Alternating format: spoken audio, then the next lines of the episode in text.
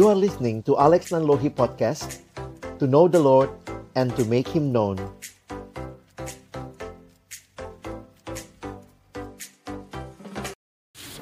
Mari kita berdoa sebelum membaca merenungkan firman Tuhan.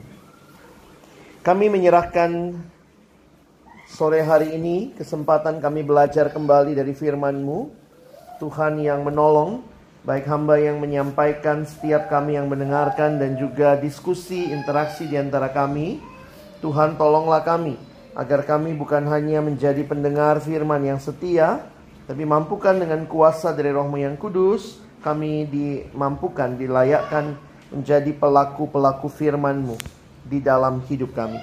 Menyerahkan waktu ke depan Tuhan yang memimpin dalam nama Yesus kami berdoa. Amin.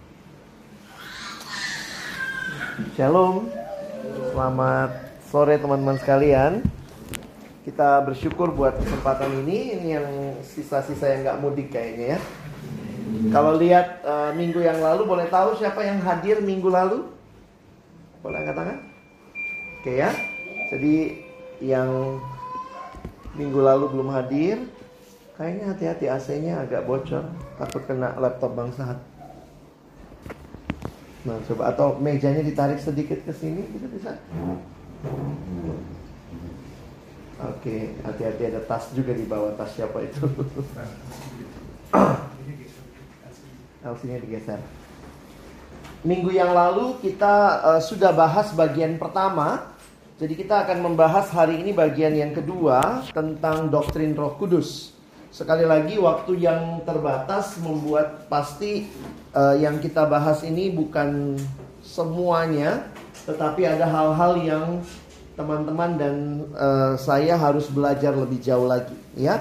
Jadi ini sesi yang menjadi pengantar buat kita. Ini ada beberapa pertanyaan yang minggu lalu uh, ditanyakan. Jadi kalau nanti ada pertanyaan yang lain, nanti teman-teman bisa menyampaikannya juga. Karena hari ini kita akan bahas secara khusus karunia roh dan tentang kepenuhan roh ya. Karunia roh kepenuhan roh baptisan roh. Nah hal-hal yang berkaitan dengan itu jadi bahasan kita hari ini. Oh sorry ini udah mesti lewat gitu ya. Um, minggu yang lalu kalau ada yang belum hadir minggu lalu kita bicara hal utama tentang pribadi roh kudus dan minggu lalu kita sudah bicara bahwa Roh Kudus adalah pribadi dan dia adalah pribadinya Allah. Sehingga Roh Kudus adalah Allah, itu penghayatan iman Kristen. Roh Kudus bukan cuma kekuatannya Allah, dia sendiri adalah Allah. Karena itu, kita menghayati orang Kristen menghayati kita tidak sedang menyembah tiga Allah. Kita menyembah satu Allah yang menyatakan diri dalam tiga pribadi. Saya harap kita mengerti kita bukan politeis. Begitu kita bilang Allah kita tiga, berarti kita menganut politeis. Kekristenan tetap monoteis. Satu Allah yang menyatakan dirinya dalam tiga pribadi. Itu misteri ilahinya di situ. Sehingga kita harus menghayati Roh Kudus walaupun bahasa yang digunakan di Alkitab menggambarkan kehadiran Roh Kudus sering kali bahasanya itu bersifat uh, sangat bendawi misalnya ya. Misalnya kita dengar uh, Roh Kudus uh, seperti burung merpati, tapi jangan berkata Roh Kudus itu burung merpati. Karena kata yang dipakai seperti. Karena di dalam pemunculan yang lain misalnya dikatakan ketika kisah Rasul pasal yang kedua, mereka melihat seperti lidah api. Jadi banyak gambaran yang dipakai tentang Roh Kudus. Tapi hal yang harus kita mengerti, Roh Kudus adalah pribadi Allah sendiri. Nah, karena itu nanti kita akan belajar lebih jauh tentang apa yang dia lakukan di dalam kehidupan kita.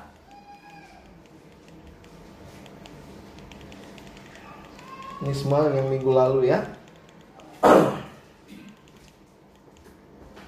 Jadi di dalam kehidupan orang percaya, saya langsung masuk ke slide ini ya. Kalau minggu yang lalu saya mengatakan bahwa kita bisa percaya kepada Allah itu karena Roh Kudus yang menganugerahkan bagi kita. Nah, sekarang pertanyaan lebih jauh adalah apalagi yang Roh Kudus lakukan dalam kehidupan kita? Nah, beberapa ayat yang penting kita baca ya, Kisah Rasul 1 ayat yang ke-8. Coba kita lihat sama-sama. Kisah Rasul pasal 1 ayat yang ke-8. Mari yang pria kalau sudah ketemu kita baca ayat ini ya. kita langsung satu ayat 8, satu dua ya. Tetapi kamu akan menerima kuasa kalau Roh Kudus turun ke atas kamu dan kamu akan menjadi saksiku di Yerusalem dan di Yudea dan Samaria sampai ke ujung bumi. Perhatikan bahwa mereka tunggu di Yerusalem, inilah para rasul dan Roh Kudus itu memberikan kuasa. Tapi yang menarik sekali, kuasanya bukan untuk lakukan hal-hal yang aneh, untuk show off, tapi kuasanya untuk memberitakan tentang Kristus. Jadi kamu akan jadi saksi mulai dari mana Yerusalem, Yudea, Samaria sampai ujung bumi. Itu konteks yang diberikan. Apalagi yang Roh Kudus kerjakan? Coba lihat Yohanes 15 ayat 26. Sekarang tolong yang wanita yang baca. Yohanes pasal yang ke-15 ayat yang ke-26.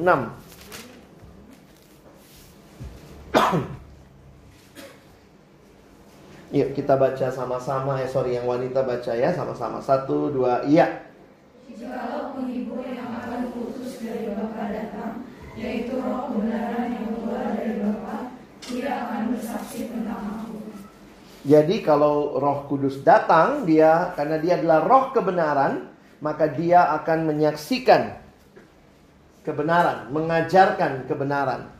Nah, sisi yang lain juga pekerjaan Roh Kudus dalam hidup kita adalah menguduskan sesuai dengan namanya. Ada yang mengatakan kenapa namanya Roh Kudus ya? Apa yang Bapa kurang kudus, anak kurang kudus? Tidak.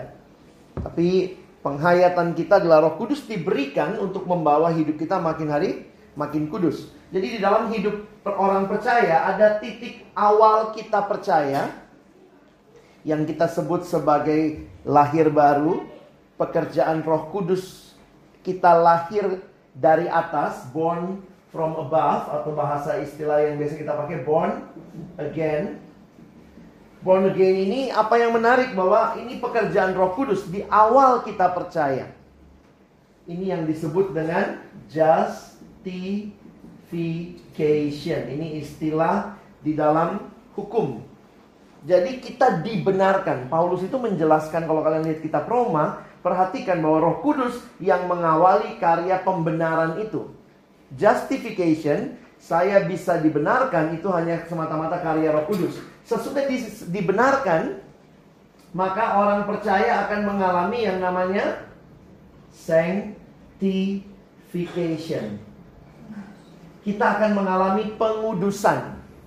Justification mengawali pengudusan e, melanjutkan sanctification bahasa Indonesia-nya pengudusan dan kembali Alkitab bilang ini pun karya Roh Kudus. Sampai nanti ini bahasa teologianya glorification Glorification itu adalah ketika nanti Yesus datang kedua kali. Ini pun yang dikatakan tadi dalam ayat yang dibaca ya. Efesus pasal 1 bahwa Roh Kudus inilah yang memastikan kita sampai akhir nanti akan mendapat warisan kita, bagian kita. Jadi memang kalau kita melihat karya keselamatan itu adalah karya Roh Kudus dari awal sampai akhir. Yesus mati di kayu salib tapi tidak ada satupun kita yang hadir di kayu salib waktu itu. Tapi kok percaya Yesus mati? Siapa yang membawa kita bisa percaya? Itulah karya Roh Kudus. Ketika dia melahir barukan kita, Roh Kudus membawa kita masuk dalam pengalaman disatukan dengan Kristus. Itu istilah yang Paulus pakai. Ini doktrinnya juga penting. Nanti kalau bahas doktrin keselamatan, kita biasanya membahas uh, manusia menjadi satu dengan Kristus. Bukan berarti kita jadi Kristus. Ya. Jadi itu istilah doktrin uh, dipersatukan dengan Kristus. Perhatikan Roma pasal 6. Coba lihat sebentar ya. Roma pasal 6. Coba lihat ayat yang ke-5. Itu istilah yang biasa dipakai ya oleh Paulus. Coba kita baca sama-sama. Satu, dua, ya.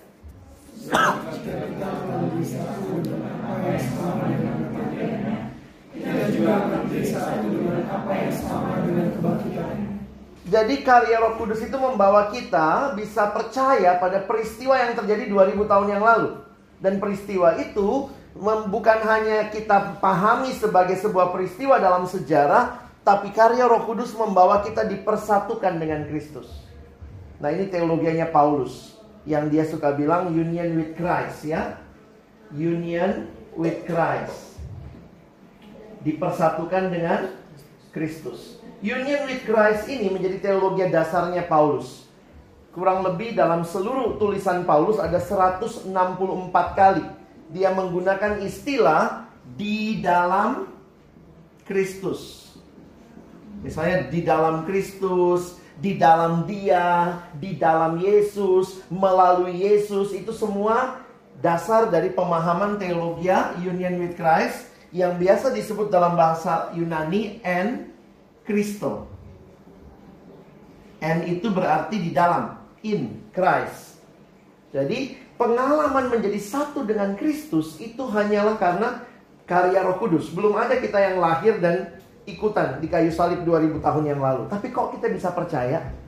Kok kita bisa yakin banget? Kok kita bisa terharu kalau dengar salib diberitakan? Itu hanya karena karya Roh Kudus yang melahir barukan kita dan terus membawa kita di dalam pengudusan.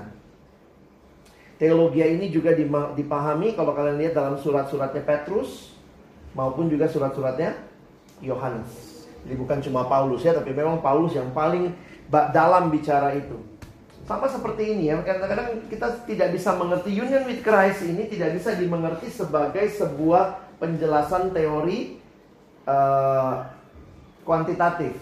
Misalnya ya, sebenarnya kita dalam Kristus atau Kristus dalam kita? Kamu di dalam Kristus atau Kristus di dalam kamu? Nah ini kadang-kadang kan sulit ya. Kalau kita selalu mengertinya kalau Kristus di dalam kita, Kristusnya mengecil masuk dalam saya. Saya dalam Kristus, ya Kristusnya besar banget kalau saya terhisap di dalam dia. Nah, karena kita pengertiannya selalu kuantitatif.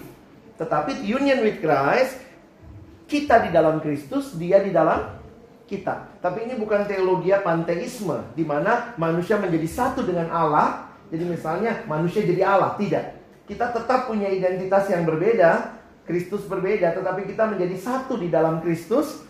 Itu adalah pemahaman union with Christ dan sama seperti ini ya gambaran kalau saya suka pakai kamu ambil air dalam satu gelas, kamu masukkan kapas. Sekarang pertanyaannya itu kapas dalam air atau air dalam kapas? Ya, dua-duanya kan? Jadi itu pengalaman kita dengan Kristus yang indah, kita bisa menikmati, merasakan apa yang yang terjadi melalui karyanya itu karena Roh Kudus yang membawa kita masuk dalam pengalaman rohani itu dan tidak berhenti sampai di situ, dia menguduskan kita terus. Oke, lihat penjelasannya. Pembaharuan karakter, buah roh dalam diri orang percaya menjadi satu indikasi yang tidak bisa dipalsukan tentang pekerjaan Roh Kudus dalam diri seseorang. Kita lihat sebentar Coba buka Galatia pasal yang kelima. Mungkin teman-teman kalau baca Galatia ini kalian akan bisa lihat gitu ya. Uh, sebelumnya Galatia 5, perhatikan ayat 19. Istilah apa yang Paulus pakai untuk hal-hal yang negatif, yang jahat, yang natur dosa. Dia pakai istilah apa ya 19? Istilahnya dulu, itu contoh-contoh dosanya perbuatan daging. Jadi Paulus menggunakan istilah begini. Kalau saya di dalam daging, daging itu gambaran hidup dalam dosa. Kalau saya hidup di dalam daging, maka yang saya lakukan itu perbuatannya daging saya. Dan manusia di dalam dosa, inilah semua apa yang dia suka. Hmm, tuh. Perselisihan, percabulan, kecemaran, hawa nafsu dan seterusnya. Tapi begitu dia bicara ayat 22, perhatikan kata tetapi.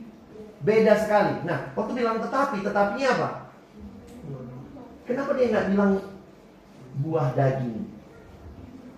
Tadi ya, harusnya dia kan buah daging. Atau misalnya, uh, kan ini buah roh, kenapa nggak buah daging? Atau uh, perbuatan roh. Nah, memang istilah ini jadi menarik ya, karena Perbuatan daging versus buah roh. Buah roh itu maksudnya apa? Bayangkan manusia yang hidup dagingnya begitu mengerikan yang digambarkan, tetapi ketika dia terima Roh Kudus, maka Roh Kudus diam di dalam dia, tiba-tiba orang yang tadinya bukan tiba-tiba lah ya melalui proses ya. Orang yang tadinya tidak bisa mengasihi, boro-boro mengasihi, senangnya iri, hati dengki, sekarang bisa mengasihi, itu perbuatan siapa? Itu pasti karya Roh Kudus. Karena itu Paulus membedakan istilahnya. Dia mengatakan itu buah roh. Buah dari kehadiran Roh Kudus yang diam di dalam kita. Itu bukan buahnya saya. Kalau buahnya saya dan teman-teman ya itu buah yang perbuatan daging yang di atas.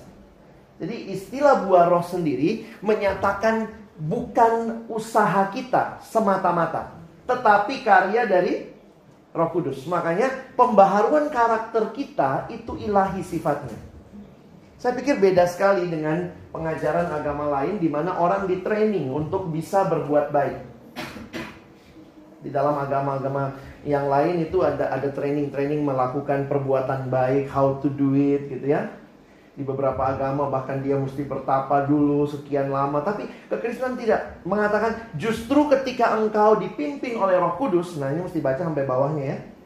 Dia akan mengubahkan kamu. Sehingga bagi saya pembaharuan karakter itu ilahi sifatnya. Pertumbuhan itu ilahi. Nah perhatikan istilah yang digunakan itu bukan buah-buah roh. Istilah dasarnya itu the fruit of the spirit. Bukan the fruits. Jadi tidak tepat kalau dikatakan buah-buah roh. Tidak. Buah roh. Satu buah, sembilan rasa. Kalah nano-nano. Jadi maksudnya apa? Ketika ada Roh Kudus. Karena kalau kalian mengertinya sebagai buah-buah-buah, lama-lama secara tidak sadar, secara teologis orang bisa menafsirkannya begini. Ada pilihan. Mulai bangun dulu kasih, habis kasih sukacita, habis sukacita damai sejahtera. Ini bukan optional. When the Spirit of God dwelling in you, you will produce fruit of the Spirit dengan semua variasi rasanya. Nah memang ada orang yang mungkin tidak terlalu bergumul lagi dalam kasih. Dia mungkin bergumulnya dalam penguasaan diri. Tapi tetap itu adalah pekerjaan dari Roh Kudus. Saya dulu anak komunikasi. Kalau dikasih tahu di dalam komunikasi itu ada beberapa hal misalnya pembawaan boleh tolong Jadi ada ada orang-orang yang berusaha membuat uh, sekolah-sekolah kepribadian, karakter ya. Jadi saya kalau lihat sekolah kepribadian itu secara ilmu komunikasi pun kita bisa ngelihat itu orang di training bisa jadi seperti itu. Ya, sorry to say ya. Training anjing pun bisa bisa jadi salaman gitu ya. Siap presiden gitu ya. Bisa tuh di training gampang. Jadi lakukan berulang-ulang maka itu menjadi sebuah karakter. Tapi waktu saya mempelajari kekristenan, kita tidak sedang berbicara training untuk jadi kudus. Karena itu bukan buah dari kita. Tapi buah dari kehadiran roh kudus dalam hidup kita. Karena itu, kita harus bicara penyerahan diri kepada Tuhan. Kenapa? Karena kita sedang dibangun, dibentuk oleh dia. Oke, jadi uh, yang terakhir yang saya mau bahas lebih dalam adalah mengaruniakan karunia-karunia roh. Nah, ini yang disebut sebagai spiritual um, gifts, ya. Karunia-karunia rohani. Nah, mungkin ada banyak yang orang yang bertanya, kenapa Paulus bicara? Ini khususnya dalam teologi Paulus banyak bicara soal karunia rohani. Teman-teman mesti ingat bahwa kalau kita lihat dua hal ini, saya harus katakan begini. Yang namanya karunia rohani itu bisa dipalsukan. Sementara buah roh sebenarnya itu atau bukan tidak bisa ya sulit e, karena banyak juga yang pura-pura mengasihi tapi poinnya adalah kesejatian kehadiran Roh Kudus dalam hidup kita.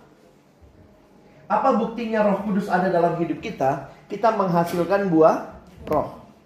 Makanya nanti nanti saya coba tunjukkan sama teman-teman bagaimana Paulus membangun teologianya berkaitan dengan spiritual gift dengan fruit of the spirit. Atau Paulus mau bilang begini Karunia rohani gampang ditiru. Iblis pun bisa. Tapi kalau bicara buah roh, tidak. Karena itu bukti kehadiran Roh Kudus dalam hidupmu bukan cuma kamu bisa melakukan spiritual gift tertentu. Tapi ketika engkau bertumbuh di dalam buah rohmu itu. Jadi saya pikir jelas sekali teologi Paulus berkaitan dengan ini. Nah, saya harus jelaskan sedikit tentang perbedaan. Kenapa nanti waktu kita bahas buah karunia roh, ada perbedaan-perbedaan. Kenapa ada perbedaan-perbedaan? Karena beberapa teologi yang yang ada, khususnya kalau kalian dari gereja-gereja yang menegaskan, menekankan tentang karunia roh, karena itulah mereka disebut gereja karisma. Karisma itu adalah spiritual gift, karismata, sehingga menjadi gerakan karismatik. Gerakan karismatik sebenarnya pada awalnya bukan gereja, tetapi gerakan yang mau mengembalikan karunia-karunia roh dilakukan di dalam gereja. Karena itu gereja Pentakosta misalnya belum tentu karismatik, kasarnya begitu. Tetapi memang ketika gerakan karismatik mulai sekitar tahun 60-an itu banyak membaharui justru yang dibaharui banyak gereja-gereja Pentakosta. Sehingga orang tahunya Pentakosta karismatiknya itu. Padahal sebenarnya karismatik itu semangatnya kembali kepada karunia-karunia rohani. Nah, kenapa saya harus katakan ini jadi perbedaan? Karena ayat yang dipakai sama, ayat yang dipakai sama, tapi kalau tidak tepat diaplikasikan, makanya saya harap kita terbuka ya. Kalau kalian dengar loh, kok Bang Alex ngajarinnya begitu beda sama gereja saya. Coba cross check ke gerejamu. Kenapa? Karena kita pakai Alkitab yang sama. Sayangnya prakteknya sering kali tidak seirama dengan Alkitab. Jadi contohnya begini. Kita lihat dulu 1 Korintus 12. 1 Korintus 12 saya pikir ini bagian penting untuk kalian bicara. Kita bicara karunia rohani.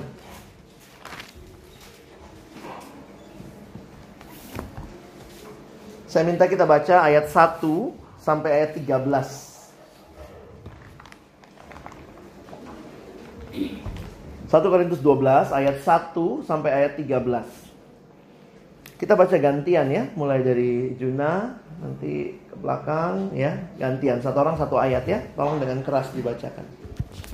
Silakan. Rupa-rupa karunia tetapi satu roh.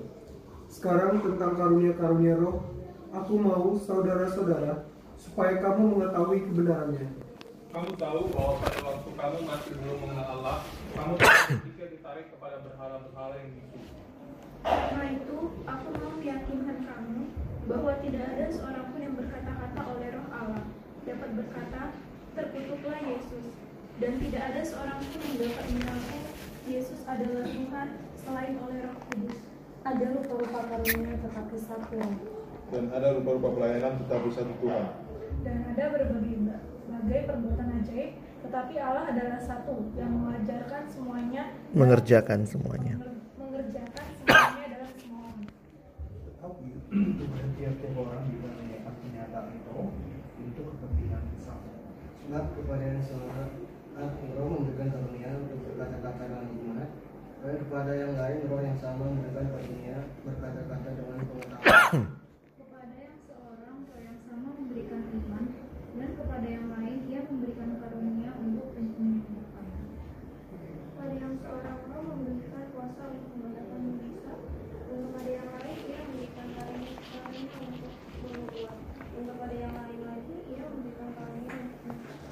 Kepada yang seorang ia memberikan karunia untuk berkata-kata dengan bahasa roh, dan kepada yang lain ia memberikan karunia untuk menafsirkan bahasa roh. Tetapi semuanya ini dikerjakan oleh yang satu dan yang sama.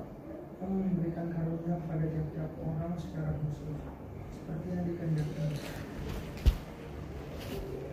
Sampai 13. Karena sama seperti tubuh itu satu dan anggota-anggotanya banyak dan segala anggota itu sekalipun banyak merupakan satu tubuh. Demikian pula Kristus. Sebab dalam satu roh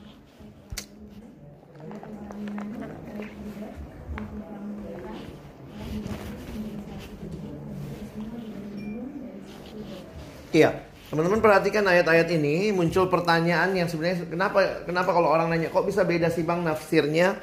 Karena ada yang bertanya begini, kenapa Paulus tulis tentang karunia roh? Karunia roh itu Paulus tulis di 1 Korintus 12 sampai 1 Korintus 14, khusus tiga pasal. Dia bicara karunia roh. Pertanyaannya kenapa Paulus tulis ini? Beberapa orang mengatakan karena memang kerinduannya adalah membangkitkan lagi karunia-karunia roh itu di dalam gereja-gereja yang lebih bersifat charismatic church sekitar tahun 60-an itu mulai di dunia ya. Mereka mengatakan justru Paulus sedang menganjurkan itu di exercise. Paulus sedang menganjurkan itu harus dilakukan atau dikerjakan. Bisa? Bisa duduk semua?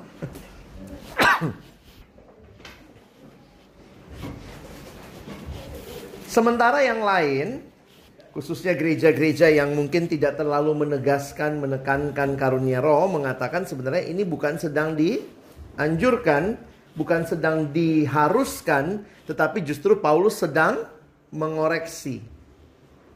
Coba lihat misalnya ayat 1 tadi. Jadi Paulus ini di dalam satu Korintus ini surat yang agak tidak urut logikanya. Jadi kayaknya mereka punya masalah ya jemaat Korintus ini banyak masalah. Jadi ketika masalahnya tentang apa, Paulus bahas masalah itu. Jadi beda sama surat lain yang agak ngalur gitu ya, alur pikirnya. Ini pokoknya bagian ini tentang masalah makanan berhala. Ini masalah tentang pernikahan. Ini masalah sekarang tentang karunia roh. Makanya lihat cara Paulus bicara, Misalnya ya saya kasih contoh aja.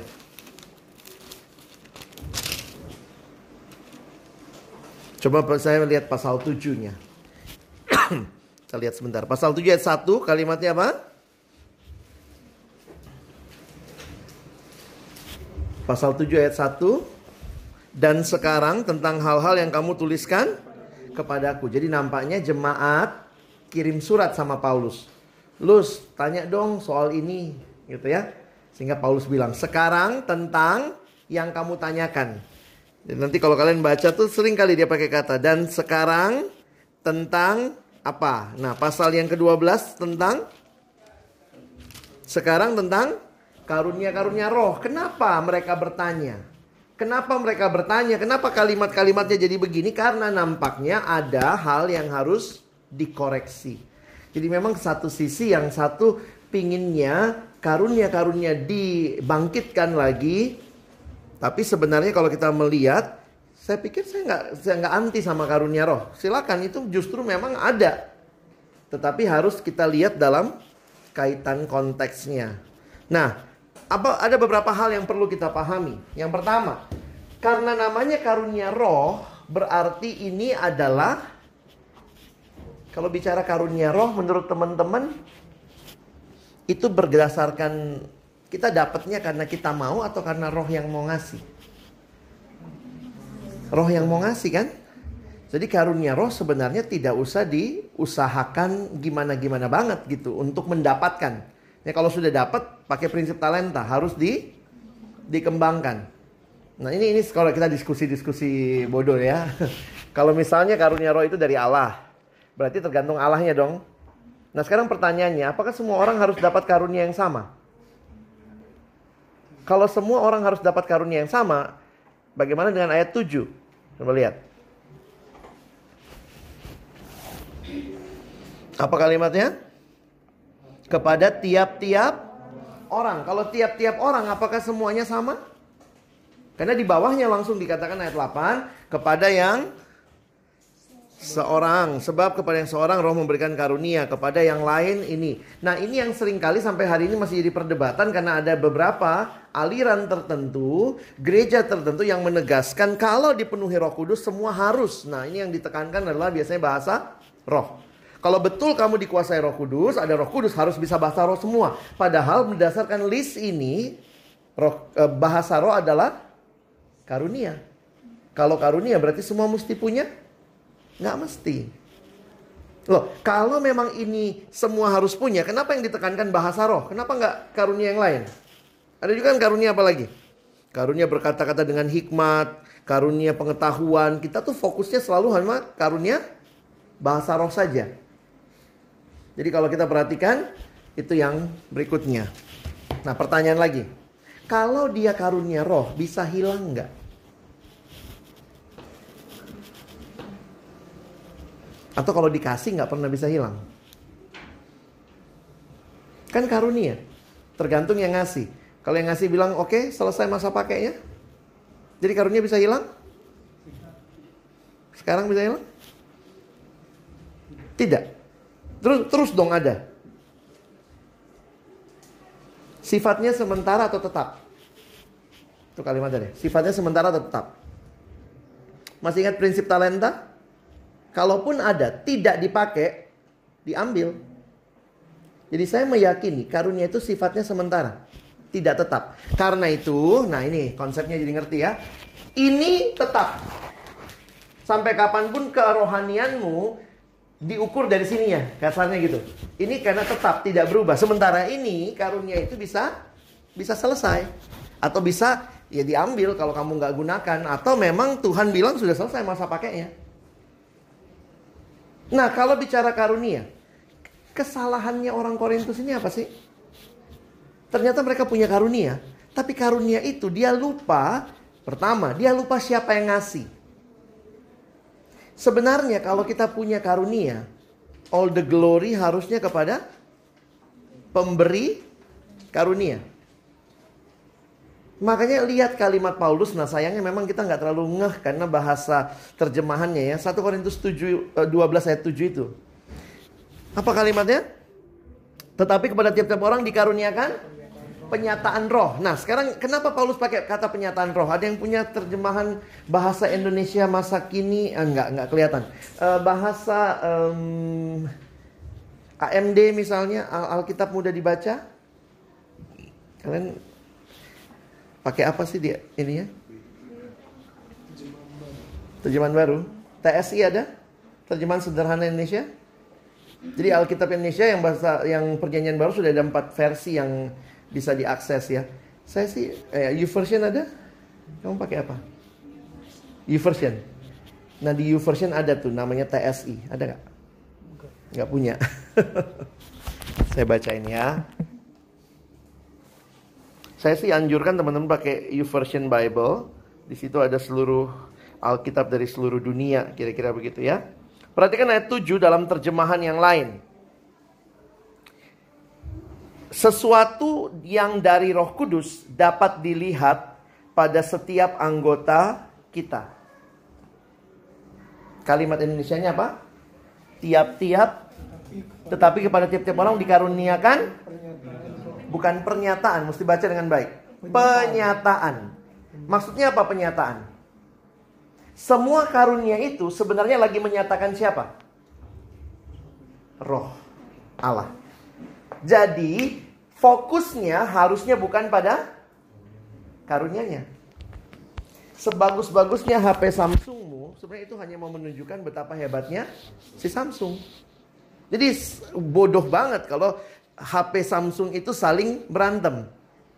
Ih kau seri A. Ih satu ini seri apa gitu ya. Sorry saya nggak tahu kalau HP lain misalnya ada juga gitu ya.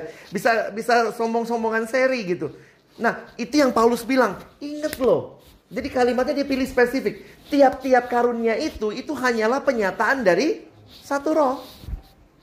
Jadi harusnya kita selalu ingat karunia itu dari Allah, dia yang harus dimuliakan, dia kasihnya beda-beda, dan perbedaan itu jangan jadi masalah, karena itu tergantung yang ngasih. Nah tujuannya apa? Coba lihat ayat 7. Tujuannya apa? Untuk kepentingan bersama. Dan itu diulang-ulang terus. Jadi kalau orang dapat karunia bahasa roh, lalu dia berbahasa roh, dia jadi sombong, itu dia pakai untuk menyombongkan dirinya, dia lupa sebenarnya karunia itu untuk apa? Tujuan utama karunia adalah untuk membangun jemaat. Jadi saking cintanya Tuhan sama jemaat, dia kasih setiap kita karunia. Dan karunia itu yang dia mau kita pakai. Exercise itu waktu kita ber, berjemaat. Makanya konsep ke gereja, konsep bergereja dalam satu Korintus itu setiap orang datang bawa karunianya. Sementara konsep bergereja kita sekarang adalah saya datang mau dapat apa? Saya mau dapat apa? Saya mau dapat apa? Karena itu banyak orang pergi ke gereja besar nggak apa-apa. Nggak usah pelayanan di situ yang penting datang nikmati firmannya, pujiannya enak, AC segala macam pulang. Yang penting saya dapat apa? Itu bukan konsep gereja, itu konsep entertain. What you get? Ya sorry to say ya, kalau kenyataannya akhirnya gereja-gereja terjebak dalam hal itu memang banyak yang datang. Tapi apakah orang itu bergereja? Bergereja itu apa? Setiap kita datang membawa karunia, karunia kita yang bisa main musik, main musik, yang bisa khotbah, khotbah, yang bisa doa, doa, yang semua karunia. Sebenarnya harusnya konsep dasarnya ibadah jemaat seperti itu. Nah, perhatikan itu diulang-ulang. Karena 1 Korintus 12 bicara, lihat judulnya apa? Coba lihat di Alkitabmu. 1 Korintus 12 judulnya apa? 1 Korintus 12 ayat 12. Banyak anggota? Satu tubuh. Nanti ada lagi di 1 Korintus 14. Apa kalimatnya, judulnya? Jadi lihat ya, Paulus menjabarkan dengan tiga pasal. Pernah makan sandwich? Atasnya sandwich itu apa? Roti. Bawahnya roti. Tengahnya isinya. Mana yang lebih penting sebenarnya? Atasnya atau bawahnya atau tengahnya? Semuanya lah ya baru jadi sandwich gitu kan. Kalau enggak ya ini kan makanya ada yang bilang apa itu sandwich? Something eh, roti, roti. Jadi tengahnya something something gitu ya. Apa pun kita isi di situ. Nah, beberapa tulisan Paulus dia sandwiching. Itu ternyata kebiasaan menulis orang-orang di zaman Paulus. Sengaja di sandwich.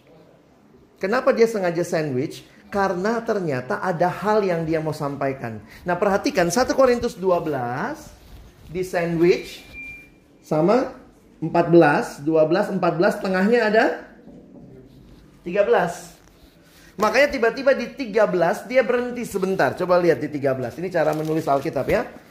Jadi setelah dia ngomong karunia-karunia, coba baca 12.31. Satu dua ya. Jadi berusahalah untuk memperoleh karunia-karunia yang paling utama. Dan aku akan menunjukkan kepadamu jalan yang lebih utama lagi. Kira-kira dia mau ngomong apa jalan yang lebih utama? Eh bawah yang ngomong kasih. Karena Paulus mau bilang apa? Kalau gara-gara karunia itu kamu saling sikut, kamu saling sombong-sombongan, itu bukan tujuan dari karunia itu. Jadi sekarang aku mau kasih tahu kamu jalan yang lebih utama lagi. Orang pasti mikir, wow dia mau bicara karunia apa nih yang paling penting. Eh, si Rasul ngomong, you need to have love. Makanya ingat, buah roh lebih penting. Itu tanda otentik dari kehadiran roh kudus dibanding hanya sekedar karunia. Berarti nanti kita kita coba simpulin ya. Nah sekarang coba lihat kalimatnya. Saya nggak tahu kalian pernah baca nggak 1 Korintus 13 dengan kaitan sandwichnya. Jadi lihat, ini karunia, ini jemaat Korintus banyak sekali karunianya. Tiba-tiba Paulus ngomong begini.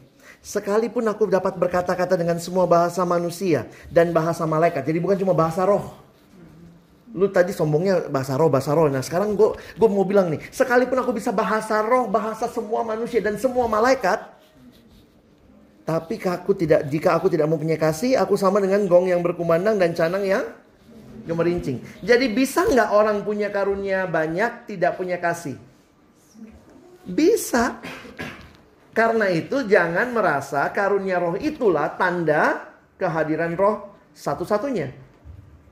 Bisa jadi tanda bisa karena memang dia penyataan roh. Tapi ternyata ada yang lebih penting daripada sekedar karunia. Bayangkan kamu punya karunia bahasa roh, kamu bisa bernubuat, kamu punya karunia menyembuhkan, tapi kamu tidak punya kasih. Jadi ngapain kamu lakukan itu? Untuk kepentingan di Waktu bahasa roh sebenarnya gini ya, ya waktu itu saya dapat betul, oh ngomongin dalam hati supaya kau rasa aku lebih rohani dari kamu. Padahal ingat bahasa roh bukan tanda kerohanian, tanda kerohanian itu kasih. Waktu kamu ketemu sama orang yang tidak bisa bahasa roh dan kamu bisa bahasa roh, kamu tidak mengintimidasi dia, memaksa dia, tapi kamu belajar untuk menahan bahasa rohmu. Loh, emang bisa ditahan? Loh, harusnya bisa. Kenapa? Buah roh adalah penguasaan diri. Makanya kalau orang bilang saya dapat karunia roh, saya nggak bisa tahan bang, keluar aja begitu aja. Hmm? Roh Kudus itu. Saya jadi bertanya. Jangan-jangan roh kuda. Karena makin liar kau. Kalau roh kudus itu pasti kamu bisa menahan diri. Itu logikanya kan? Nah coba lihat lagi. Ini saya, saya makin menghayati nih. Karena kenapa? 1 Korintus 13 suka dipakai di kawin-kawinan gitu. Padahal ini tentang karunia roh.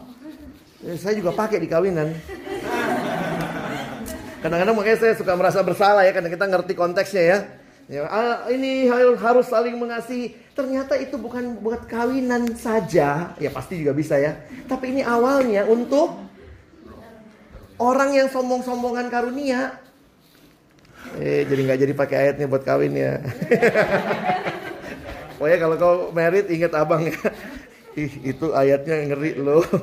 Coba lihat ayat 2. Sekalipun aku mempunyai karunia untuk bernubuat dan aku mengetahui segala rahasia dan memiliki seluruh pengetahuan. Wih, hebat kali pun ya. Dan sekalipun aku memiliki iman yang sempurna untuk memindahkan gunung, tapi jika aku tidak mempunyai kasih, sama sekali tidak berguna. Nah, setelah mengerti ini saya pikir ya udah ya, poin kita adalah yang dikejar tuh kasihnya. Karena itu jauh lebih utama. Karunianya kalau dapat dikasih puji Tuhan. Ingat loh dikasih banyak dituntut Banyak. banyak. Kadang-kadang kita suka minta karunia orang. Lupa karunia kita sudah punya. Yang sudah punya nggak dikembangin mau karunia orang. Ih bagus banget dia jadi MC ya. Harusnya harus aku jadi MC juga lah. Ya mungkin karuniamu di bagian yang lain. Kau minta itu dikasih, hmm, rasa.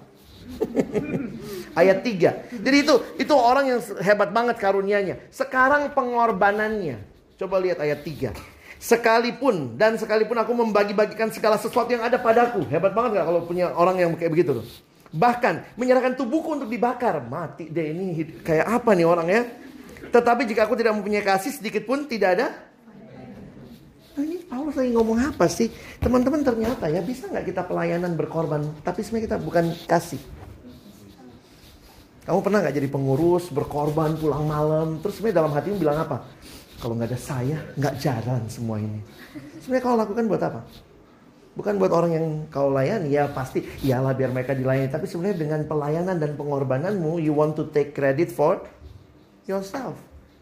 Makanya saya waktu mengerti ini, pantas ya Tuhan Yesus nanya sama Petrus sampai tiga kali ya.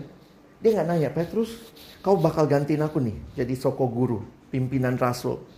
Tuhan nggak nanya, Petrus bisa bahasa roh? Petrus bisa nubuat? Petrus bisa pimpin lagu? Nanti sebelum rapat rasul ada nyanyi dulu? Petrus bisa pelayanan ini? Tuhan cuma tanya, kau mengasihiku? Terus Petrus bilang, ya Tuhan. Nanya lagi, kau mengasihiku? Apa Yesus kayak mulai pikun gitu ya? namamu siapa? siapa tadi namamu? Saya pernah ke panti jompo ya. Kampus lah, biasa kita ke rumah jompo kan. Awal-awal seneng juga ketemu oma-oma itu lama-lama. Kenalan siapa namanya? Alex Opung ya. Dan lima menit gitu. Siapa namanya? Alex Opung. Lama-lama siapa namamu? Yesus tanya satu pertanyaan sampai tiga kali karena itu jauh lebih utama daripada semua karunia. Makanya pastikan di kampusmu, pengurusmu itu kenal Tuhan, cinta Tuhan. Itu yang paling penting. Setelah itu nanti bisa di training MC, bisa di training menyambut tamu, bisa di training. Itu semua gampang di training. Tapi kalau dia tidak punya kasih, no. Dan karunia itu Roh Kudus memberikan perubahan itu kasih itu adalah karena kehadiran Roh dalam hidup kita. Jadi waktu Paulus bilang ini barulah dia masuk ya ayat 4 ya. Ini ayat kawin-kawinan kita lah ya. Kasih itu sabar. Maksudnya apa? Coba praktekkan. Kalau kau lihat temanmu tidak bisa bahasa roh. Sabarlah.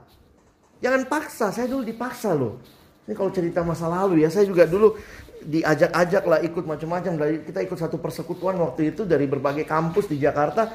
Namanya anak baru di Jakarta ya. Jadi saya baru datang dari kampung ke Jakarta. Maulah ikut. Ada kebaktian KKR di sini. Pendetanya hebat. Ih, bukan Tuhannya hebat, pokoknya pendetanya hebat gitu ya.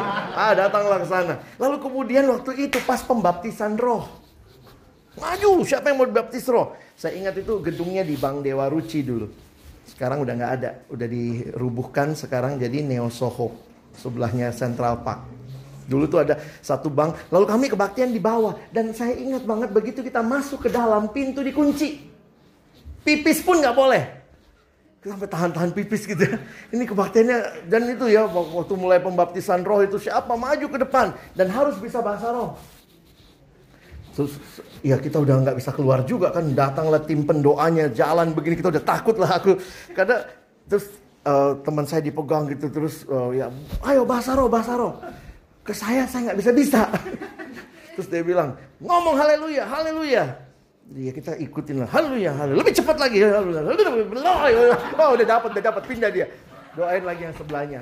Sorry ya saya harus katakan itu jadi sesuatu yang sebenarnya menakutkan buat saya. Jadi maunya gini, cepat-cepat lah kita bilang aja dapat bahasa roh supaya pindah dia kan. Ngeri loh. Ada benar benar benar sudah. Oh sudah dapat dia doain lagi sebelah saya. Jadi poinnya teman-teman, saya nggak ngerti istilah-istilah dan kekristenan karena waktu saya belajar ini saya baru sadar gitu. Iya ya. Pergumulan kita banyak istilah rohani yang waktu kita cek sebenarnya di Alkitab belum tentu pengalamannya harus seperti itu. Bisa seperti itu, oh bisa aja. Tuhan mah kreatif. Tapi harus kayak begitu? Nggak mesti. Karena itu waktu Tuhan bilang sama satu Korintus ini, dia ceritakanlah tentang kasih. Nah di bagian bawah coba lihat ya. Nah kalian uh, teruskan itu. Ia tidak cemburu, tidak memegahkan diri. Jadi sebenarnya kalau kamu punya karunia lalu memegahkan diri, kamu nggak punya kasih. Gitu loh kira-kira logikanya ya, cara bacanya ya. Terus, terus, terus. Nah, makanya dia bilang ini, kasih tidak berkesudahan. Nubuat akan berakhir. Bahasa roh akan berhenti. Pengetahuan akan lenyap. Karena pengetahuan kita katanya tidak lengkap, tidak sempurna. Jika yang sempurna tiba, maka yang tidak sempurna itu akan lenyap. Nah, seterusnya, waktu dia udah bicara semuanya, barulah sampai terakhir itu ya. Demikianlah tinggal ketiga hal ini. Iman, Pengharapan dan kasih. Kita udah nyanyikan tadi. Pulihkan iman, harap, kasih. Tapi yang paling besar dikatakan adalah kasih. Nah, balik lagi habis ngomong itu pasal 14 ayat 1. Kejarlah kasih itu. Dan usahakanlah dirimu memperoleh karunia-karunia roh. Ada nggak yang Paulus anggap lebih utama karunianya? Yang mana di sini? Saya kaget juga tuh waktu baca terutama karunia bernubuat. Nah, apa itu nubuat? Nanti kita lihat sama-sama ya. Tapi sampai sini bisa dipahami? Selalu karunia itu dari Allah, diberikan beda-beda untuk kepentingan bersama dan itu hanya mau menyatakan inilah hasilnya Roh Kudus yang diam dalam dirimu. Bukan bagian dirimu yang memegahkan diri. Karena itu jangan pakai itu untuk memegahkan diri. Kita sering kali melihat, kita pikir di Alkitab cuma ada di 1 Korintus 12 sampai 14 karunia itu. Tapi sebenarnya di Roma Paulus juga bicara. Di 1 Korintus memang yang paling panjang, di Efesus. Jadi kalau kita total semua ini sekitar 20-an karunia. Cuma memang kenapa kadang-kadang kita menspesialkan bahasa roh. Kenapa? Karena ada hal-hal yang rasanya lebih spektakuler. Makin spektakuler, makin gampang memuliakan diri kan? Coba kalau kau bisanya apa? Nyanyi. Eh, aku dong bisa nyanyi menyembuhkan juga. Wow. Iya aku cuma bisa menyakiti loh. Sedih kali hidupmu ya. Oke, jadi bisa dipahami. nah, beberapa orang bertanya, apa kenapa ada beberapa karunia yang harusnya kan semua orang punya? Misalnya, karunia iman. Kalau iman aja dianggap karunia, loh. Tapi ingat, karena ini muncul, misalnya juga kata melayani ya. Kayak melayani, kan semua orang Kristen harus melayani. Nah, tetapi ada orang-orang tertentu yang dikaruniakan hal-hal itu sebagai karunia. Lebih daripada yang lain. Saya punya teman kayaknya dia dapat karunia iman tuh. Yakin banget, pede banget. Kita semua punya iman kan? Tapi dia kayaknya wow, waktu wow kita bilang ini pasti dari Tuhan lah, kasarnya gitu ya. Bikin KKR harga seberapa kita ciut dia pasti maju. Jadi kita maju sama iman dia gitu. Karena kita udah kebayang kalau gue yang nyari dananya nggak mau gue. gue mau ikut acaranya aja. Terus ada orang yang punya karunia melayani. Semua kita bisa melayani, tapi ada orang yang kelihatannya luar biasa pelayanannya. Ya mungkin Tuhan kasih bagian dia adalah karunia melayani. Sehingga tetap saya melihat jangan menyamakan iman itu karunia. Kalau gitu, oh boleh ada, boleh tidak. Jangan begitu. Ada orang yang dikasih secara lebih spesifik karunia tertentu. Oke, nanti kalian bisa lihat lagi. Keempat daftar di atas bukan hanya menunjukkan keragaman jenis karunia, tetapi juga menunjukkan keragaman fungsi dari karunia itu. Sehingga kalau kalian perhatikan, semua karunia ini selalu konteksnya jemaat. Kenapa? Karena memang untuk membangun jemaat, gereja Tuhan. Nggak mungkin kamu mengajar sama batu-batu, meja-meja gitu, nggak bisa. Makanya kita bertumbuh di dalam konteks. Ada jenis karunia yang merupakan bawaan lahir. Nah inilah yang biasanya orang nanya, apa bedanya bakat sama karunia roh? Kalau bakat itu kan bawaan lahir. Tidak usah jadi orang Kristen untuk punya bakat. Semua orang agama apa pun punya bakat. Tapi bedanya apa dengan karunia roh? Saya melihatnya begini. Ketika bakat kita dipakai untuk membangun tubuh Kristus, itu menjadi karunia. Sementara banyak juga bakat kita yang kalau kita nggak pakai untuk membangun tubuh Kristus itu tetap Ya bakat aja membangun orang lain, tapi yang mungkin bukan tubuh Kristus, membangun karang taruna di masjid dekat rumahmu misalnya, itu bisa juga kan? Tapi bukan berkaitan dengan karunia rohani. Nah, apa bedanya lagi? Di dalam karunia rohani sebenarnya ada dua hal. Satu, sesu sesuatu atau karunia yang memang kita dapat sebagai lanjutan dari bakat. Tapi juga, atau bahasa ininya lah ya, karunia roh itu bisa natural, bisa supra natural.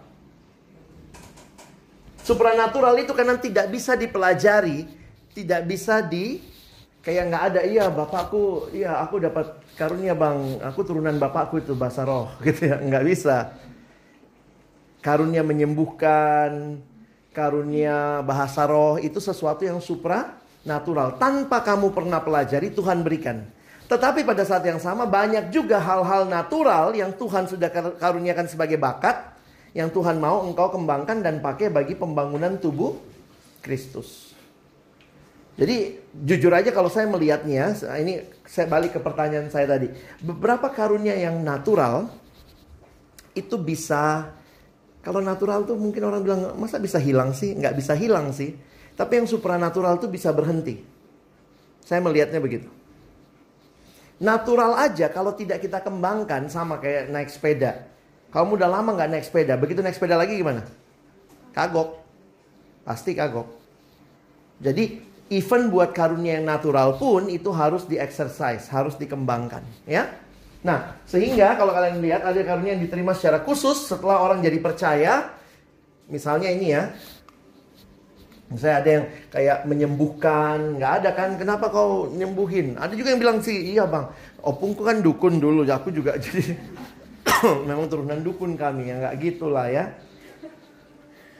Nah ini semua satu Korintus sebenarnya kenapa kenapa jadi potensial sekali orang Korintus sombong? Karena beberapa karunianya itu supra natural. Sementara di dalam satu Petrus berbicara dan melayani, kau pasti pikir ya ampun ngomong kok jadi karunia. Karena ada orang yang kayak saya suka ngomong gitu ya. Jadi mungkin karunianya ngomong gitu. Jadi tapi kan saya belum pernah lah bisa lakukan mujizat. Beberapa kali doain orang orang sakit meninggal dia. Mungkin ada kan yang doain sembuh gitu ya. Karena punya karunia kesembuhan. Loh tapi nggak apa-apa juga ya. Karena saya memang diminta datang. Uh, bang tolong datang nih uh, adikku uh, sudah sudah dokter sudah angkat tangan gitu. Dia bilang, abang tolong dong datang pastikan dia sudah sungguh-sungguh terima Yesus nggak. Kadang-kadang keluarga kita sus susah ya bersaksi ya. Jadi ada teman yang telepon Lex bisa tolong kunjungin adikku pastikan keselamatan dia. Jadi memang saya juga fokusnya waktu doa, saya juga nggak doa kesembuhannya ya, karena saya pikir ya, saya bilang sama dia, ya ini kan udah menjelang saya lihat dia udah pasang alat segala macam tapi masih sadar. Saya ajak dia ngomong. Saya bilang Tuhan bisa sembuhkan. Kamu percaya? Percaya. Kalau Tuhan sembuhkan kamu sekarang karena kamu pemimpin kor, kamu pimpin kor lagi. Tapi Tuhan juga bisa sembuhkan kembali ke surga. Itu kau dapat kesembuhan yang total. Sudah siap? Siap bang. Kalau Tuhan panggil kau pulang, kau akan ke mana? Saya ke surga sama Yesus. Udah. Kita berdoa, dua hari kemudian meninggal. Nah, saya pikir iya ya. Uh, karunia kita beda-beda. Kemarin ada satu teman lagi gitu. Saya datang itu abangnya dia dari Pekanbaru. Tolong bang, abang ipar saya sudah kritis. Saya datang, saya doa. Tapi itu Tuhan kasih inilah ya, masih dikasih hidup dua minggu lagi. Saya pikir udah selesai malam itu. Saya lihat waktu itu ngeri sekali ya. Tapi ternyata Tuhan kasih lagi dua minggu. Akhirnya keluarga bisa layani lebih banyak lagi dan akhirnya ya Tuhan panggil gitu. Memang hidup nggak selamanya. Jadi tidak tidak ada yang namanya karunia itu pasti kemudian itu terjadi untuk semua orang. Tidak. Bisa sembuh kalau Tuhan mau sembuh ya bisa sembuhin, ya. Jadi saya pikir ini yang perlu kita pahami. Kita lihat lagi, kita baca sama-sama ya. Satu dua ya. Beberapa jenis karunia yang disebut, misalnya iman, melayani merupakan sesuatu yang perlu dimiliki oleh semua orang percaya. Sehingga yang dimaksud mungkin kemampuan yang khusus dalam hal tersebut. Ini yang saya jelaskan tadi ya. Harusnya iman kan semua punya. Nah kalau disebut sebagai karunia pasti ada hal yang khusus. Terakhir, satu dua ya. Jenis karunia yang selalu berbeda dalam empat daftar tersebut menyiratkan bahwa daftar-daftar tersebut tidak dimaksudkan sebagai daftar yang mencakup semua jenis karunia yang mungkin ada. Melainkan menjadi gambaran tentang sangat bervariasinya jenis karunia yang mungkin ada yang Tuhan berikan kepada kadang-kadang orang nanya, "Bang, apa karunia saya?" Kan kalau kita mau pakai bahasa Kristen, apa karunia saya? Saya cek-cek yang di Alkitab yang 20-an itu, Bang, kayaknya nggak ada saya di situ. Emang apa karuniamu? Aku suka IT bang. ya pasti berarti kalau kita lihat memang daftar tadi itu tidak dimaksudkan sebagai daftar tertutup. Bisa nggak Tuhan kasih yang dulu belum ada? Ya kayak karunia IT, kamu bisa mendesain sesuatu, saya lihat beberapa kampus desain-desain ininya bagus gitu ya, poster-poster PJ-nya. Apalagi kalau ada muka kita kadang-kadang di situ nyempil sedikit di bawah gitu ya. Kadang-kadang saya pikir ya Tuhan ada orang-orang dikasih karunia. Itu pun karunia yang dari Tuhan ya. Oke, sekarang kita masuk ke baptisan roh. Ada ada pertanyaan dulu nggak? Karunia. Silakan kalau ada pertanyaan. Saya akan bahas uh, bahasa roh nanti uh, terakhir. Cukup jelas? Kita sekarang ke baptisan roh ya. Baptisan roh ini jadi pertanyaan penting juga karena beberapa ini balik lagi. Gereja-gereja tertentu menerapkan sistem baptisan roh. Apa yang mereka maksud dengan baptisan roh? Saya harus katakan begini. Saya juga saya sangat banyak pengalaman dengan Roh Kudus begini karena saya sebenarnya dari SMA itu sudah mulai ikut-ikut yang macam-macam. Jadi di situ jadi perjalanan rohani saya lah. Termasuk waktu itu uh, ketika ada teman yang protes, bukan protes ya, ngajak saya, ayo ke gerejaku ada baptisan roh. Saya apa apa itu kan di gereja saya nggak ada gitu. Apa itu baptisan roh? Dia bilang kau udah dibaptis air, sudah. Nah harus dibaptis roh. Terus gimana caranya? Pokoknya datang aja kebaktiannya. Nanti kalau dipanggil siapa yang mau dibaptis roh kamu maju. Lalu nanti tunggu pendetanya tumpang tangan lalu kemudian nanti rohnya masuk. Kira-kira begitu. Lalu nanti kalau rohnya masuk itu buktinya adalah kamu bisa berbahasa roh. Dan itu menjadi ajaran yang penting di gereja tertentu. Karena itu beberapa bahan-bahan KTB di gereja-gereja seperti yang menganut pemahaman itu bab satunya langsung kalau kita kan bab satunya uh, bab satunya MHB hidup baru. Ada ada bahan PA yang bab satunya langsung baptisan air, baptisan roh. Saya tantang kamu kalau kamu ke gereja-gereja yang mungkin menganut pemahaman seperti ini, coba pelajari Alkitab sama-sama supaya saya bukan mengatakan kamu harus keluar dari gerejamu, tidak ada gereja yang sempurna. Tapi kita bisa melihat dan paling tidak kalaupun kamu lakukan, kamu punya pemahaman yang utuh. Nah, apa yang dimaksud dia minta kita datang lalu kemudian baptisan ini dan karena itu penghayatannya begini. Waktu terima Yesus, Roh Kudus belum masuk. Karena itu harus ada upacara tertentu supaya Roh Kudus masuk. Nah, upacara tertentu itu, kebaktian tertentu itu yang dikatakan pembaptisan Roh Kudus. Nah, ini biasanya terjadi menjelang hari-hari Pentakosta begini. Banyak gereja-gereja yang bikin kebaktian, doa berapa malam gitu ya. Karena nanti pas puncaknya itu ada upacara pembaptisan Roh Kudus. Nah, apa yang menarik untuk kita perhatikan, ternyata istilah ini di dalam Alkitab, kalau kalian lihat Alkitab, istilah baptisan Roh Kudus tidak ada. Dalam pengertian kata baptisan ya, sorry, kamu mesti ngerti ya yang saya katakan. Kata baptisan karena kalau dibilang kata baptisan ini baptis sudah menjadi kata eh, kata benda ini ya. Atau ya baptisan. Nah, Alkitab tidak ada kata baptisan roh. Yang ada adalah kata dibaptis oleh Nah, ini unik juga nih. Tidak ada juga kalimat dibaptis oleh roh. Yang ada adalah dibaptis oleh Yesus. Dibaptisnya dengan roh. Jadi Kan Yohanes membaptis kamu dengan air. Tapi Yohanes bilang, aku membaptis kamu dengan air. Tapi nanti dia datang, dia akan membaptis kamu dengan roh. Jadi bukan roh yang mem membaptis, tapi Yesus. Nah coba kita lihat sebentar ya. Ini ini kalau kita mau lihat. Berapa kali muncul di Alkitab? Itu muncul tujuh kali istilah itu. Enam kali Istilah baptisan roh digunakan oleh sebagian orang Kristen untuk menunjuk pada satu pengalaman rohani yang khusus atau yang disebut sebagai pengalaman kedua setelah pertobatan yang disertai dengan pengalaman bisa berbahasa lidah. Karena itu di dalam teologi seperti ini, teman-teman yang menganut pandangan ini dikatakan penganut second blessing. Terima Yesus itu first blessing. Lalu kemudian ada upacara kedua, pengalaman kedua, second blessing sebenarnya secara teologis juga agak sulit dipertanggungjawabkan. Kenapa? Kalau Allah itu Tritunggal, masa terima Yesus Roh Kudus ketinggalan di luar? Terus belakangan masuk, ayo masuk. Terus dimasukkan, jadi kayak masukin ilmu gitu ya. Coba kamu masukin ilmu, saat masuk gitu ya.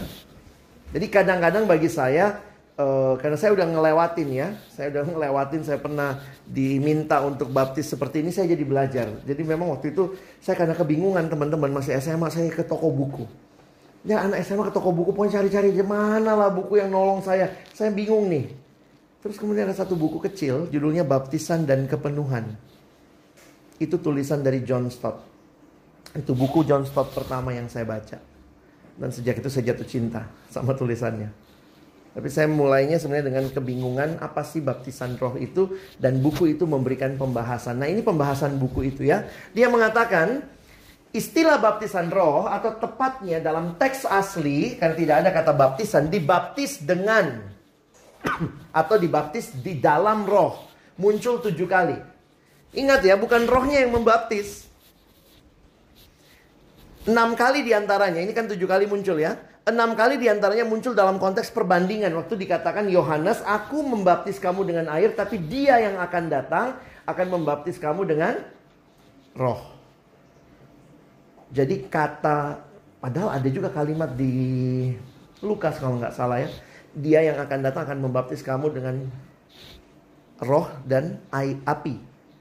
Tapi saya belum lihat tuh gereja mem mempraktekkan ini. Ayo ada baptisan api. Kalau kita mau bicara tekstual gitu ya. Cobalah kita baca Markus 1 ayat 8 untuk kalian bisa lihat kalimatnya munculnya kayak begini. Markus 1 ayat 8. Silakan, satu dua, ya.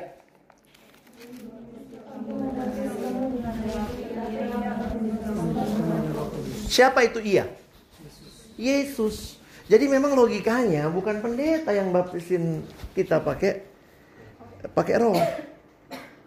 Ya, Yesus membaptiskan kita dengan atau di dalam roh.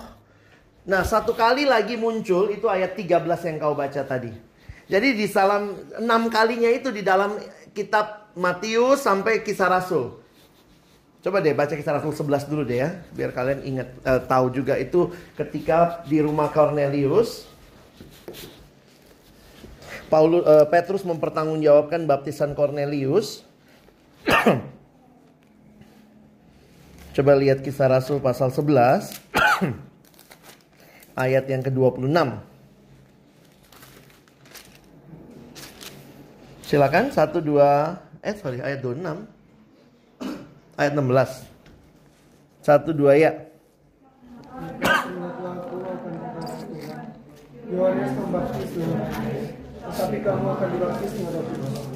Jadi kamu akan dibaptis dengan Roh Kudus. Siapa yang membaptis? Ya, Yesus. Nah, bagaimana dengan 1 Korintus 12 ayat 13? Coba lihat ayatnya. Yuk baca lagi sekali ya. 1 2 ya. Sebab di dal- dalam satu roh kita semua baik orang Yahudi maupun orang Yunani, baik budak maupun orang merdeka telah dibaptis. Nah, kira-kira kalau kita lihat telah dibaptis, siapa yang membaptis? Kalau berdasarkan 6 ayat sebelumnya dan mau sinkron dengan ayat ini, pasti yang baptis itu adalah Yesus juga. Nah, itu cara menafsir Alkitab. Kalau bagian lain bilang yang bab. Jadi nggak mungkin waktu Paulus bicara ini pasti referensi dia kepada kira-kira 6 ayat sebelumnya itu bicara roh, eh, Yesus. Nah, telah dibaptis oleh Yesus kira-kira begitu ya, menjadi satu tubuh dan kita semua diberi minum dari satu roh. Jadi pembahasannya nih, satu kali yang lain muncul dalam tulisan Paulus tentang kesatuan di antara seluruh orang percaya karena pengalaman yang sama. Di mana kita semua telah dibaptiskan dalam satu roh menjadi satu tubuh. Maksudnya apa? Saya menghayati begini. Berarti baptisan roh itu adalah pengalaman ketika kita jadi satu tubuh Kristus dengan cara apa? Berarti Tuhan memberikan rohnya dalam hati kita. Bagaimana dia memberikan? Saya sudah jelaskan minggu lalu. Tidak ada dari kita yang pernah minta karena kita sudah mati dalam dosa. Roh Kudus yang bekerja membangkitkan kita kembali. Nah, begitu kita dibangkitkan, kita masuk dalam keluarga Allah, maka begitu Roh Kudus hadir di hidup kita membangkitkan kita, sebenarnya itulah baptisan roh. Jadi bukan pengalaman kemudian, justru itu pengalaman yang mengawali hidup Kristen kita. Gimana terjadinya itu misteri, Allah yang melakukannya, Yesus yang melakukannya. Nah, karena itu perhatikan 1 Korintus 12 ayat 3. Coba lihat ya. Kita baca sama-sama 1 Korintus 12 ayat 3, 1 2, ya. Bahwa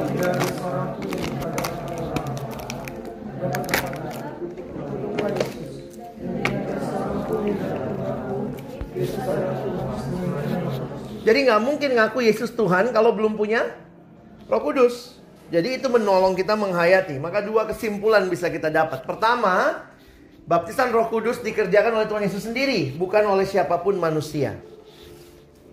Jadi poin saya, tanpa upacara baptis-baptis roh pun nggak masalah. Kalaupun kamu datang ke sana, ikutin, lihat, tapi jangan merasa dialah yang baptisin kamu. Karena itu adalah pengalaman rohani ketika Roh Kudus diam di hati kita, mem- melahirbarukan kita. Yang kedua, dari 1 Korintus 12 ayat 13 yang didukung oleh pemahaman perjanjian baru secara utuh menjadi jelas bahwa baptisan roh adalah suatu istilah yang menunjuk pada titik awal kehidupan Kristen. Ini semua dijelaskannya terima Yesus lahir baru. Semua istilahnya itu sebenarnya menunjuk kepada titik awal. Ini makanya saya jelasin tadi. Itu sebenarnya karya Roh Kudus. Yang dialami oleh semua orang percaya bukan menunjuk kepada pengalaman-pengalaman lain yang bersifat khusus sesudah itu. Hal ini semakin jelas karena ayat ini bukan ditujukan kepada orang Tesalonika yang setia atau kepada orang Filipi yang murah hati, juga bukan kepada orang Efesus yang rohani, tetapi kepada orang Korintus. Kalau kalian tahu konteksnya Korintus, ini kan orang-orangnya masalahnya banyak banget. Ini bukan jemaat yang setia, tapi Paulus bilang, waktu kamu percaya karena kamu telah disatukan, dibaptis oleh roh, eh, oleh Yesus dalam roh menjadi satu tubuh. Jadi saya pikir ini pemahaman yang perlu kita hayati sehingga secara teologis saya melihat tidak ada dasar untuk second blessing. Kalau nanti ada pengalaman kedua, nggak ada dasarnya sebenarnya. Tidak tidak terlalu alkitabiah lah. Nah ini kita masuk lebih jauh lagi ya, saya coba jelaskan karena ini perlu dijelaskan.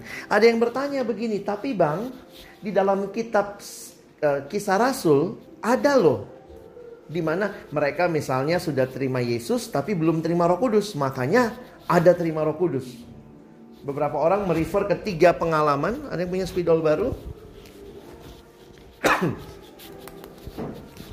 tiga pengalaman yang sering kali di refer, empat lah ya, Kisah 2, kisah 8, kisah 10, dan kisah 19.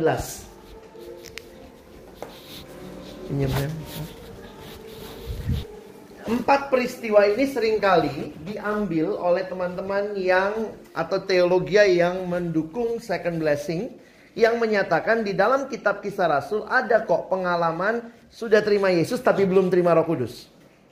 Para rasul kisah 2 sudah terima Yesus belum? Ya sudah terima lah pasti kan kira-kira. Tapi kenapa mereka baru dibaptis roh? Jadi seolah-olah ini ada pengalaman yang berbeda. Nah tapi ini cara menjelaskannya kita mesti pahami begini. Kisah Rasul ini kan kitab yang panjang ya. Kisah Rasul itu adalah kitab yang melanjutkan Injil Lukas. Lukas mencatat dari Yesus lahir. Kira-kira tahun berapa itu? Nol, satu lah ya kira-kira gitu ya. Yesus lahir. Akhir Injil Lukas, Yesus naik ke surga. Itu kira-kira berapa tahun? Kita bilangnya kira-kira 33 tahun. Jadi bayangkan Lukas mencatat sejarah 33 tahun. Kira-kira semua hal dia tulis nggak? Kalau kamu disuruh catat sejarah 30 tahun, kau bikin kayak diary, hari pertama, hari kedua. Mau setebel apa Alkitab kita? Kalau ditulis begitu yang ada aja kita nggak baca, apalagi banyak tulisannya begitu ya. Nah, waktu bicara kisah Rasul, kisah Rasul pertama berarti Yesus naik ke surga juga. Lukas sedikit mengulang. Berarti itu tahun berapa? 33. Akhir kitab kisah Rasul, pasal 28, Paulus tiba di Roma sebagai tawanan. Kira-kira tahun berapa? Yang mesti cari di ini ya. Ada yang berkata kira-kira tahun 50 lah, kira-kira kita ambil hitungan besarnya. Jadi kitab kisah Rasul mencatat sejarah berapa lama? 17-an tahun. Jadi Lukas itu mencatat sejarah dari sini plus ini. Jadi kira-kira berapa tahun? sejarah 50 tahun. Kitab Kisah Rasul mencatat sejarah sekitar 17 tahun. Pertanyaannya, semua ditulis? Nggak juga lah, pasti begitu, nggak mungkin semua ditulis. Kalau sampai ditulis 17 tahun, berarti peristiwa itu spesial. Makanya ditulis. Karena itu penjelasan ini menolong kita memahami kenapa kisah 2 ditulis Kisah 8 ditulis, kisah 10 ditulis, kisah 19 ditulis. Apa yang sama dari kisah ini? Ada kalimat atau ada konsep Roh Kudus turun. Ya. Jadi memang semua ini ada konsep Roh Kudus turun. Makanya teman-teman atau gereja yang menganut second blessing biasanya pakai penjelasan ini. Tuh, kan turun tuh Roh Kudus. Misalnya dia coba lihat kisah Rasul 2 ya, kita lihat cepat aja ya. Kisah Rasul 2.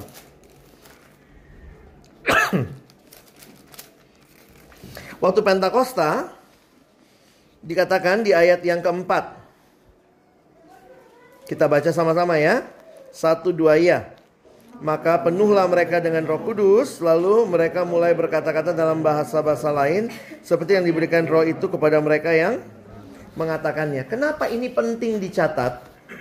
Karena kalau kalian perhatikan, sebenarnya seluruh kisah Rasul itu dibingkai dengan satu pemahaman. Kisah Rasul 1 ayat 8. Caranya Lukas mencatat, nampaknya dia mau cerita tentang pekerjaan roh mulai dari ayat 8. Kita baca ya, 1 2 ya. Tapi kamu akan menerima kuasa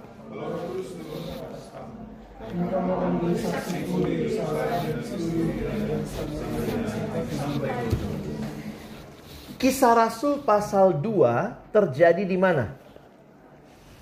Perhatikan pasal 2 ayat yang ke-5. Roh Kudus turun di mana? Di Yerusalem. Kisah Rasul pasal 8. Roh Kudus turun di mana?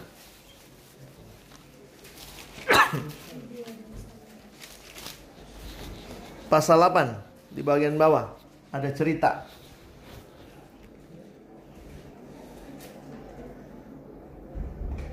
Perhatikan ayat 17.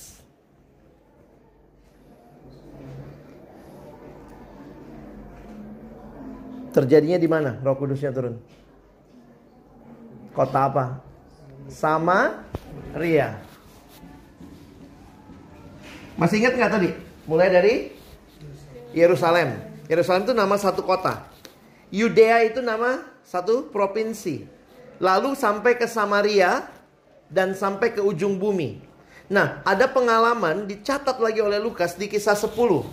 Peristiwa di mana ini? Kisah Rasul 10. Di rumahnya siapa? Cornelius. Itu juga Roh Kudus turun, perhatikan di dalam ayat yang ke-44. Baca sama-sama. Satu dua ya.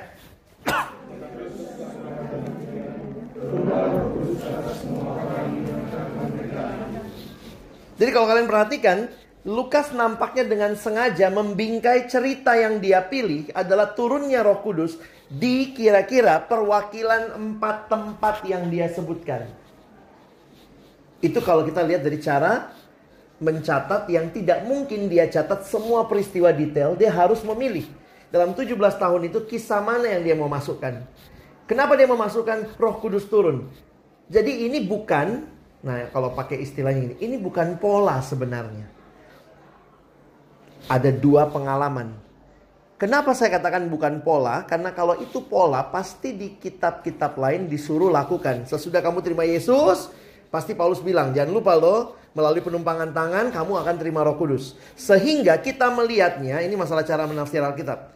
Kita melihatnya ini bukan pola yang diberikan untuk dua kali pengalaman tetapi adalah sebuah pengalaman tidak terulang yang terjadi sesuai dengan penggenapan. Kenapa? Karena memang kisah Rasul ini adalah tahapan baru dari kehidupan ketika Yesus naik. Jadi ini masa yang tidak terulang. Ini makanya banyak yang bilang ini masa overlapping. Roh Kudus turun di masa overlapping ini. Yesus naik ke surga, Roh Kudus turun, maka masa ini tidak terulang. Tidak repeatable. Polanya tidak jadi pola yang berulang. Apalagi dengan cara Lukas mencatat. Dia mencatat siapa Cornelius, kisah Rasul 10 ayat 1. Seorang perwira pasukan yang disebut pasukan Itali. Kira-kira dia orang apa? kemungkinan besar orang Romawi. Jadi dia orang Romawi yang menyembah Allahnya orang Yahudi. Itu yang disebut sebagai proselit. Jadi dia orang Romawi tapi kagum sama Yahudi. Jadi sebenarnya si Cornelius itu mewakili bangsa lain. Kalau ini kan atasnya hanya kepada orang di Yerusalem siapa yang ngumpul? Ada hari raya apa waktu itu? Kisah Rasul 2. Pada waktu hari Pentakosta. Ingat loh, ini Pentakostanya orang perjanjian lama. Mereka lagi kumpul mengucap syukur kan karena hari raya itu mereka ya. Jadi yang ada di Yerusalem, ini kalau lihat siapa sukunya ini Yahudi. Ini non Yahudi atau half blood karena orang Samaria separuh Yahudi. Non Yahudi tapi masih ada darah Yahudinya separuh, setengah. Yang ini sudah bangsa lain tapi tertarik sama Yahudi. Kisah 19 Nah ini kalau dipelajari mesti baca satu buku ini. Kisah 19 Di mana turunnya Roh Kudus? di Efesus. Makanya saya melihat sebenarnya ini bukan bicara di Efesusnya karena ingat waktu itu kekristenan kan agama minoritas. Jadi bukan turun di Efesusnya, memang di Yerusalem itu sampai 3000 bertobat. Tapi di konteks Efesus bagi saya yang Paulus mau tegaskan ini adalah orang yang spesifik. Perhatikan. Bahkan ayat 3 ya. Eh sorry, ayat 2. Belum, bahkan kami belum pernah mendengar bahwa ada Roh Kudus. Lalu ditanya, kalau begitu dengan baptisan mana kamu telah dibaptis? Dengan baptisan Yohanes. Kata Paulus, baptisan Yohanes adalah pembaptisan orang yang telah bertobat. Ia berkata kepada orang banyak bahwa mereka harus percaya kepada dia yang datang kemudian daripadanya yaitu Yesus Kristus. Ketika mereka mendengar hal itu mereka memberi diri, mereka dibaptis dalam nama Tuhan. Dan ketika Paulus menumpangkan tangannya atas mereka, turunlah roh kudus. Nah ini memang yang sering kali dipakai jadi cara tumpang tangan. Padahal jangan lupa loh, kalimat sebelumnya mereka dibaptis dalam nama Tuhan. Jadi Paulus cuma tumpang tangan lalu turunlah. Saya saya yakin Paulus tidak sengaja tumpang supaya turun. Efesus mewakili orang non ya Hudi. Empat peristiwa ini ada hal yang unik. Pertamanya begini. Dalam empat peristiwa ini selalu harus ada rasul. Kenapa? Karena masa overlapping ini Kenapa harus ada rasul? Karena rasul inilah yang dikatakan oleh Tuhan di atas batu karang ini dia akan mendirikan jemaatnya di, didirikan di atas dasar para rasul dan para nabi. Rasul mewakili perjanjian baru, nabi mewakili perjanjian lama. Efesus 2 Yesus berkata, apa Paulus berkata di atas dasar para rasul dan para nabi. Kenapa ini di, dikatakan demikian? Bagi saya yang menarik adalah ini adalah pembukaan gereja di semua tempat di mana harus ada rasul. Coba lihat kisah rasul. Kalau kisah rasul 2 udah pasti rasul lah ya karena mereka yang kumpul di Yerusalem. Kisah rasul 8. Nah, ini yang kita mesti hayati. Kisah Rasul 8, siapakah Filipus itu? Beberapa orang bilang, loh, kalau dia rasul, kenapa lagi harus ada rasul? Nampaknya ini bukan Filipus rasul. Makanya dalam teologi ini disebut kejadian di kisah Rasul 8 ini Philip the Evangelist, not Philip the Apostle. Bukan Philip rasul. Kenapa? Karena ada cerita di bawahnya ayat 14. Ketika rasul-rasul di Yerusalem, ini orang kantor pusat, mendengar bahwa tanah Samaria telah menerima firman Allah, itu karena siapa tuh? Karena Filipus ya. Nah, mereka mengutus Petrus dan Yohanes ke situ. Kenapa perlu datang orang kantor pusat? Ngecekin bener nggak ini? Dan jangan lupa itu wilayah teritorial non Yahudi. Nah, ketika datang dicek Makanya kalian mesti perhatikan tuh ceritanya. Coba lihat ayat yang ke-16. Sebab Oh sorry, ayat yang 15. Setibanya di situ kedua rasul itu berdoa supaya orang-orang Samaria itu beroleh Roh Kudus. Sebab Roh Kudus belum turun atas seorang pun di antara mereka karena mereka hanya dibaptis dalam nama Tuhan Yesus. Kemudian keduanya menumpangkan tangan di atas mereka lalu mereka menerima Roh Kudus. Ketika Simon melihat bahwa pemberian Roh Kudus, oh itu sudah Simon cerita lain lagi ya. Nah, perhatikan pengalaman ini harus dikonfirmasi para rasul sehingga para penafsir Alkitab bilang begini. Kisah Rasul 8 sebenarnya adalah Pentakostanya Samaria. Samaritan Pentecost. Jadi ini Pentakosta. Jadi Tuhan bilang begini, Roh Kudus akan turun. Waktu Roh Kudus turun, kamu akan jadi saksiku. Mulai dari mana? Yerusalem, Yudea, Samaria sampai ujung bumi. Karena itu, kalau kita perhatikan caranya Lukas mencatat, Kisah Rasul mencatat empat peristiwa di mana Roh Kudusnya turun, lalu terjadi harus ada rasul. Ada rasul di sini? Ada. Ada rasul di sini? Ada. Tidak cukup Filipus. Kenapa? Karena memang janjinya Roh Kudusnya turunnya ke para rasul kan? Atau pada, pada janjinya pertama pada mereka. Jadi mereka perlu lihat. Di sini ada rasul, Siapa yang ketemu Cornelius? Petrus. Di sini ada rasul? Kisah Rasul 19 ada rasul? Ada, namanya Rasul Paulus. Jadi pertanyaannya, ada polanya bang, tapi kenapa kita nggak pakai? Karena sebenarnya ini dicatat bagi mereka ini peristiwa yang sama di empat tempat yang berbeda. Sehingga ini bukan jadi pola kita. Pola kita terima Yesus, terima Roh Kudus. Pola mereka karena baru lihat Yesus perlu terima Roh Kudus. Karena mereka belum pernah lihat Roh Kudus. Nah, apa maksudnya? Eh, bukan lihat, ngalamin Roh Kudus. Mereka tanda kutip kalau mau dipakai kalimat mereka sudah terima Yesus tapi belum terima Roh Kudus. Kenapa? Karena Roh Kudus belum turun. Kita yang sudah ada di generasi ini nih, kita di sini nih. Roh Kudus sudah turun. Kita nggak butuh lagi pengalaman seperti mereka. Makanya ini masa overlapping nih. Di sini ada Paulus. Nah, mulai dipertanyakan, apakah perlu ada bahasa roh? Menariknya, di sini ada nggak? Ada. Di sini ada nggak di Samaria? Tidak dicatat. Tadi kalau kalian baca ke bawah nggak ada catatannya. Penuh roh udah selesai. Makanya kalau dikatakan sekarang harus bisa bahasa roh dan dia pakai kisah rasul, tidak ada kepastian. Di sini tidak ada. Tidak dicatat. Di sini ada. Sini ada ya. Di sini ada. Kisah Rasul 19. Coba lihat tadi. Ada nggak ya?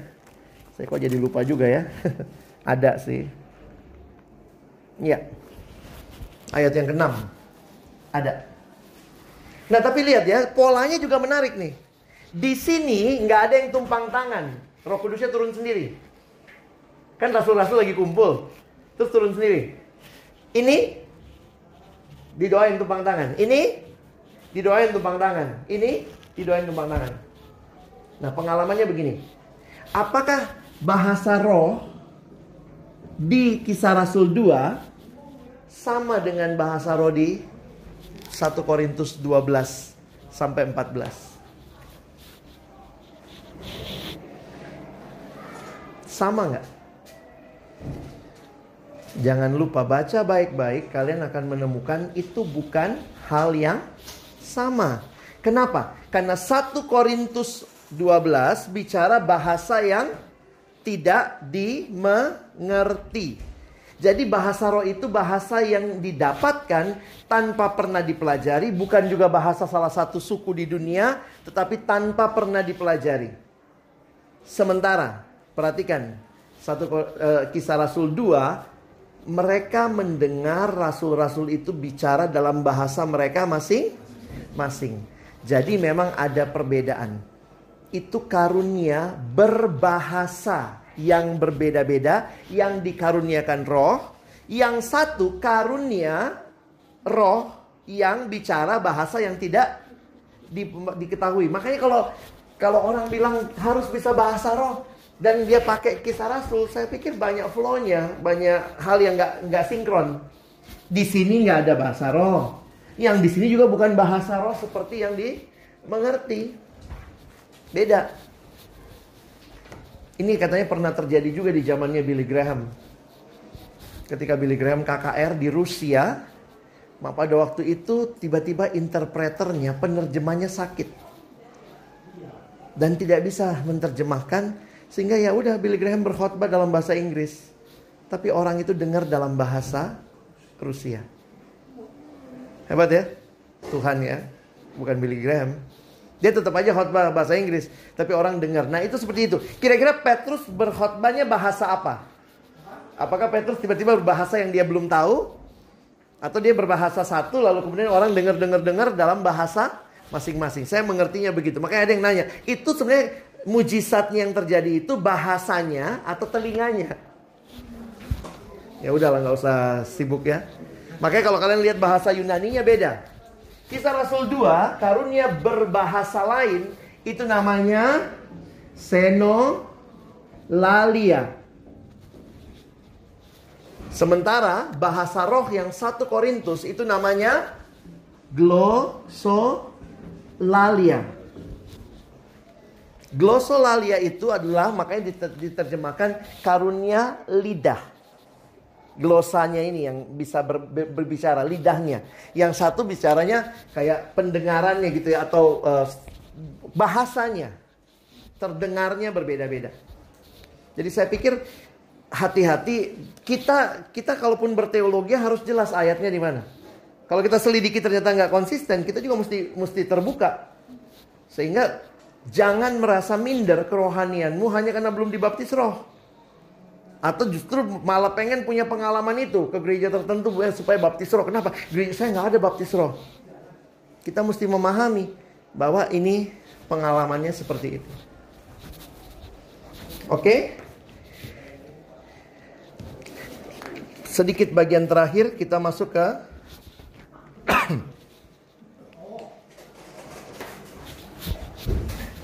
istilah dulu. Kalau begitu, apa yang dimaksud dengan dipenuhi Roh Kudus? Jadi, bahasa-bahasa kita tidak disuruh dibaptis oleh Roh Kudus, karena itu dibaptis oleh Yesus dengan Roh, tetapi kita diminta. Paulus di dalam kalimatnya di surat uh, Efesus misalnya, dia menggunakan hendaklah kamu penuh dengan Roh. Ingat, ini perintah. Hendaklah kamu penuh dengan Roh. Kata kerja yang digunakan, nah ini yang menarik nih. Kata kerjanya pasif. Kalau pasif, sebenarnya siapa yang memenuhi siapa? Kita yang minta roh memenuhi, kita yang berusaha, atau roh yang pasif itu apa sih maksudnya? Siapa yang dikenain pekerjaan? Subjek atau objek? Subjek yang dikenai pekerjaan.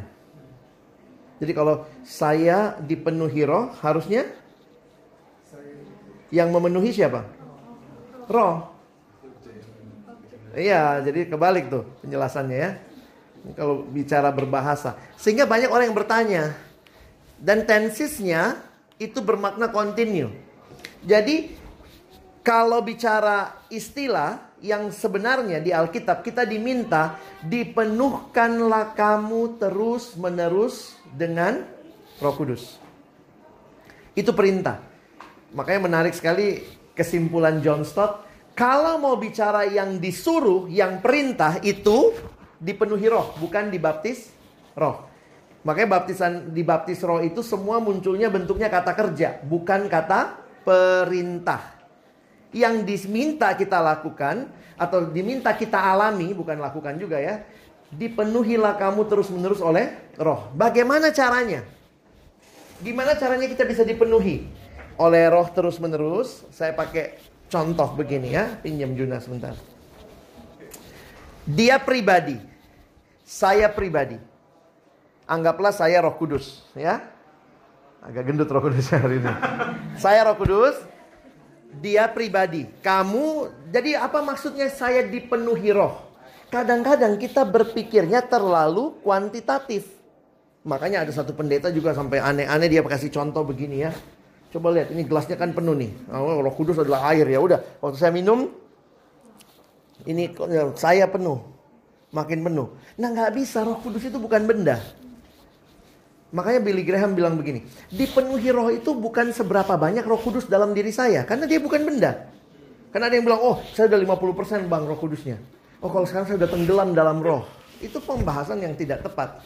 Tapi dipenuhi roh kudus menyatakan seberapa saya menyerahkan diri dipimpin oleh roh. Dengar kalimatnya, seberapa saya yang menyerahkan diri. Karena bukan saya yang memimpin, saya dipimpin. Contoh, pinjam tanganmu. Tangannya satu lah. saya misalnya lagi jalan nih, saya roh kudus sama Juna. Kayak anak sama bapaknya jalan di mall gitu ya, kita jalan sama-sama. Kamu ikut aku ya. Nah, ini. Sekarang dia menyerahkan keinginannya, kehendaknya kepada pimpinan saya. Jadi sebenarnya saya sedang memenuhi dia. Nangkap ya? Karena kan pribadi. Saya nggak sedang memenuhi dia, enggak kan? Saya memenuhi pikiran dia, kehendak dia dipenuhi dengan apa yang saya mau. Jadi caranya dipimpin roh itu apa? Ya, taat aja, ikut aja. Itulah. Jadi ada yang bilang, gimana bang supaya Gimana bang saya bisa dipenuhi roh? Ikut apa yang Tuhan bilang. Stop nyontek, stop. Stop ngomong kasar, stop. Ikut aja. Berserah.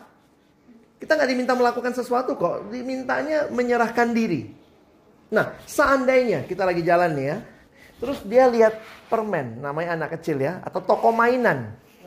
Nah, pada saat saya bilang, ayo nak kita makan dulu. Karena makan lebih penting. Tapi dia maunya ke toko mainan. Ayo sekarang kau toko mainannya di sana. Kau ke sana. Nah, ini tarik-tarikan nih. Jadi ketika saya memimpin, dia dipimpin tidak mau dipimpin, sebenarnya dia sedang mendukakan roh. Roh itu kan bukan benda, kita nggak mungkin dukakan meja. Tapi ketika saya dia memimpin kita, kita tidak mau dipimpin, kita sedang mendukakan Roh Kudus. Sehingga perintah Paulus buat kita jangan dukakan Roh Kudus, tapi biarlah kamu terus-menerus dipenuhi Roh Kudus, serahkan dirimu terus dipimpin oleh Roh Kudus. Thank you. Di bagian lain Paulus pakai istilah jangan padamkan roh. Itu istilah dalam kitab Kolose. Jadi dua istilah yang dia pakai jangan padamkan roh, Jangan dukakan roh. Ini adalah pemahaman seperti itu. Kenapa? Yang menarik begini. Kalau roh jahat itu merasuk. Tapi roh kudus tidak pernah merasuk. Dia memimpin. Sehingga kalau orang dikuasai roh jahat, dia jadi bukan dirinya. Bisa tiba-tiba suara opung gitu ya. Suaranya siapa gitu. Tapi kalau dia bicara dipenuhi roh, sebenarnya dia punya kehendak untuk taat atau tidak. Karena itu indahnya hidup itu bukan ketika kita bisa karunia segala macam. Bagi saya ketika kita menyerahkan diri. Karena yang perintah itu cuma ini. Dipenuhkanlah kamu terus-menerus dengan roh kudus. Nah, kalau demikian pertanyaannya, apalagi itu istilah menghujat roh? Kita mesti bisa bedakan ya. Jadi ada anak yang datang sama saya, dia bilang, Bang, saya sudah menghujat roh kudus. Kenapa? Kayaknya katanya sudah nggak ada lagi dosanya nggak bisa diampuni lagi. Itu ada di Injil Matius ya. Coba baca dulu Matius berapa itu? Kita baca sebentar ya. Hati-hati dengan istilah, jangan sembarang pakai istilah. Matius 12 kalau nggak salah ingat ya. Ayat yang ke-32. 31. Yuk kita baca sama-sama ya. Satu dua iya. Sebab itu aku berkata kepadamu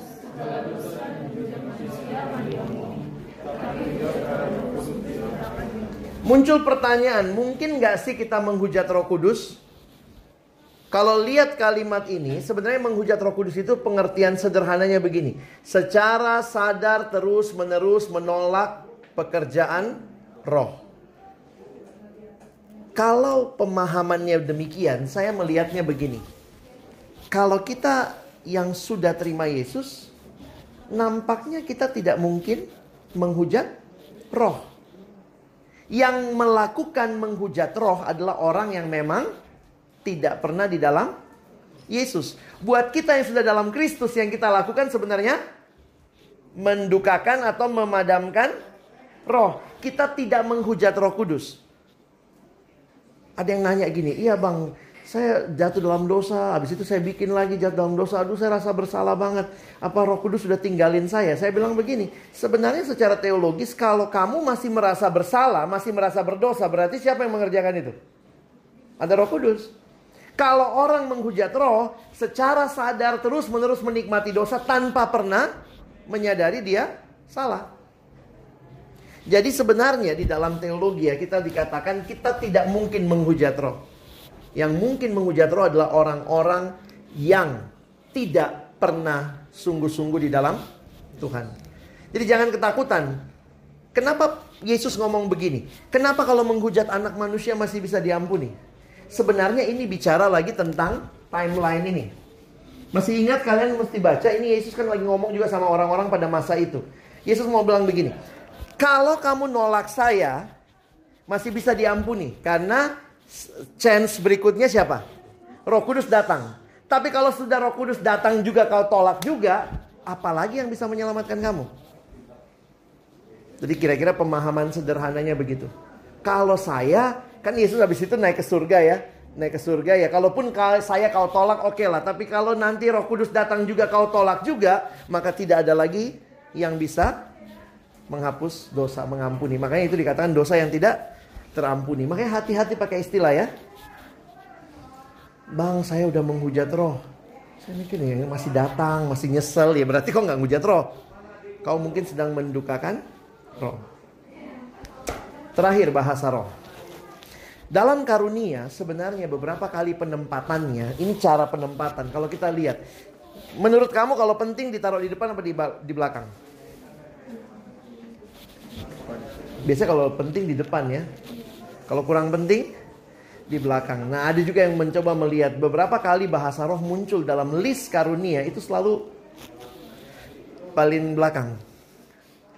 Nggak di depan-depan amat, di belakang. Jadi maksudnya begini, ada masalah apa? Ternyata mungkin ada masalah dengan bahasa roh khususnya buat jemaat di Korintus.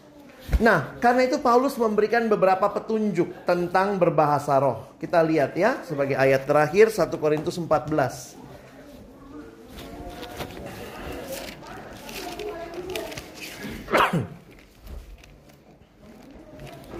Teman-teman lihat ayat yang ke-26. Jadi lihat apa judulnya? apa judulnya? 1 Korintus 14 ayat 26. Peraturan dalam pertemuan jemaat. Nah, lihat nih, ini konsep ibadahnya yang saya bilang tadi ada di sini. Jadi bagaimana sekarang saudara-saudara, bila mana kamu berkumpul, hendaklah tiap-tiap orang mempersembahkan sesuatu. Yang seorang masmur, yang lain pengajaran atau penyataan Allah, atau karunia bahasa roh, atau karunia untuk menafsirkan bahasa roh. Tetapi semuanya itu harus dipergunakan untuk membangun. Coba lihat lagi 1 Korintus 14. Lihat akhir-akhirannya aja. Apa akhir ayat 5? Sehingga jemaat dapat dibangun. Apa akhir ayat 12? Untuk membangun jemaat. Sempat baca nggak tadi ayat 4? Ayat 4 ya. Siapa yang berkata-kata dengan bahasa roh, ia membangun dirinya sendiri. Tetapi siapa yang bernubuat, ia membangun jemaat. Makanya Paulus bilang, yang dikejar karunia, bernubuat. Bernubuat itu apa? Sebenarnya secara sederhana kalau kalian lihat ya, ada dua konteks nubuat. Di Alkitab ada yang namanya foretelling. Ini yang dilakukan para nabi. Foretelling itu belum terjadi, dia tell before it happens foretelling, before. Jadi nabi-nabi itu dikatakan bernubuat waktu dia menyampaikan sesuatu sebelum itu terjadi. Dan itu banyak konteksnya perjanjian lama. Tetapi ada juga yang di dalam konteks yang lebih mungkin konteksnya perjanjian baru ini adalah istilah foretelling. Foretelling itu sebenarnya begini menjelaskan apa yang dimaksud oleh firman Tuhan. Jadi makanya beberapa penafsir mengatakan apakah masih ada nubuat sekarang? Ada yang bilang kan bakal berhenti. Di dalam gereja ada dua pandangan utama. Pandangan yang berkata masih ada karunia-karunia supranatural. Itu pandangan yang non cessationist. Jadi mereka berkata belum sis, belum habis. Masih. Sis itu kan selesai ya. Masih ada. Sementara yang kedua pasti yang cessationist. Bagaimana kita membedakan? Mereka bilangnya begini, baca ayatnya tadi. Jika yang sempurna ada, kan karunia bahasa roh akan berhenti, nubuat akan berhenti. Kalau yang sempurna ada, maka nggak butuh lagi semua itu. Nah, beberapa orang dari kalangan tertentu mengatakan yang sempurna itu sudah datang, yaitu Alkitab. Jadi, beberapa gereja ada yang secara tegas mengatakan sudah tidak ada bahasa roh, sudah tidak ada nubuat. Kenapa? Karena yang sempurna yaitu Alkitab sudah datang. Karena sekarang semua harus diuji sesuai dengan Alkitab. Nah ini ada beberapa pandangan dari gereja-gereja reformasi yang sangat ketat mengatakan sudah selesai. Sementara ada yang mengatakan tidak. Masih terus berlanjut. Kalau kamu tanya abang di mana? Saya ada di sini. Saya masih meyakini karunia masih ada. Kenapa saya meyakini yang sempurna itu waktu Yesus datang kedua kali. Tapi ya ada yang beda. Makanya ada hamba Tuhan berani ngomong. Bahasa roh itu pasti dari setan. Kenapa? Karena menurut dia bahasa roh sudah berhenti. Kenapa?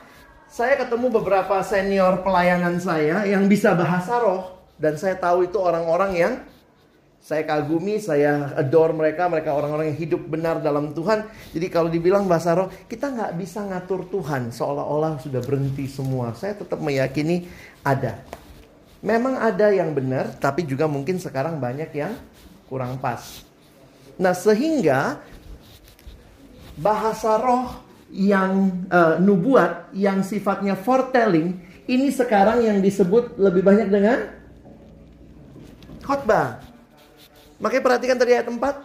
Bernubuatlah kamu dengan bahasa yang dimengerti supaya jemaat dapat dibangun. Jadi begini, nubuat itu pemahamannya waktu dia berbicara, Tuhan menginspirasi sehingga dia bisa berbicara menjelaskan apa yang Tuhan mau.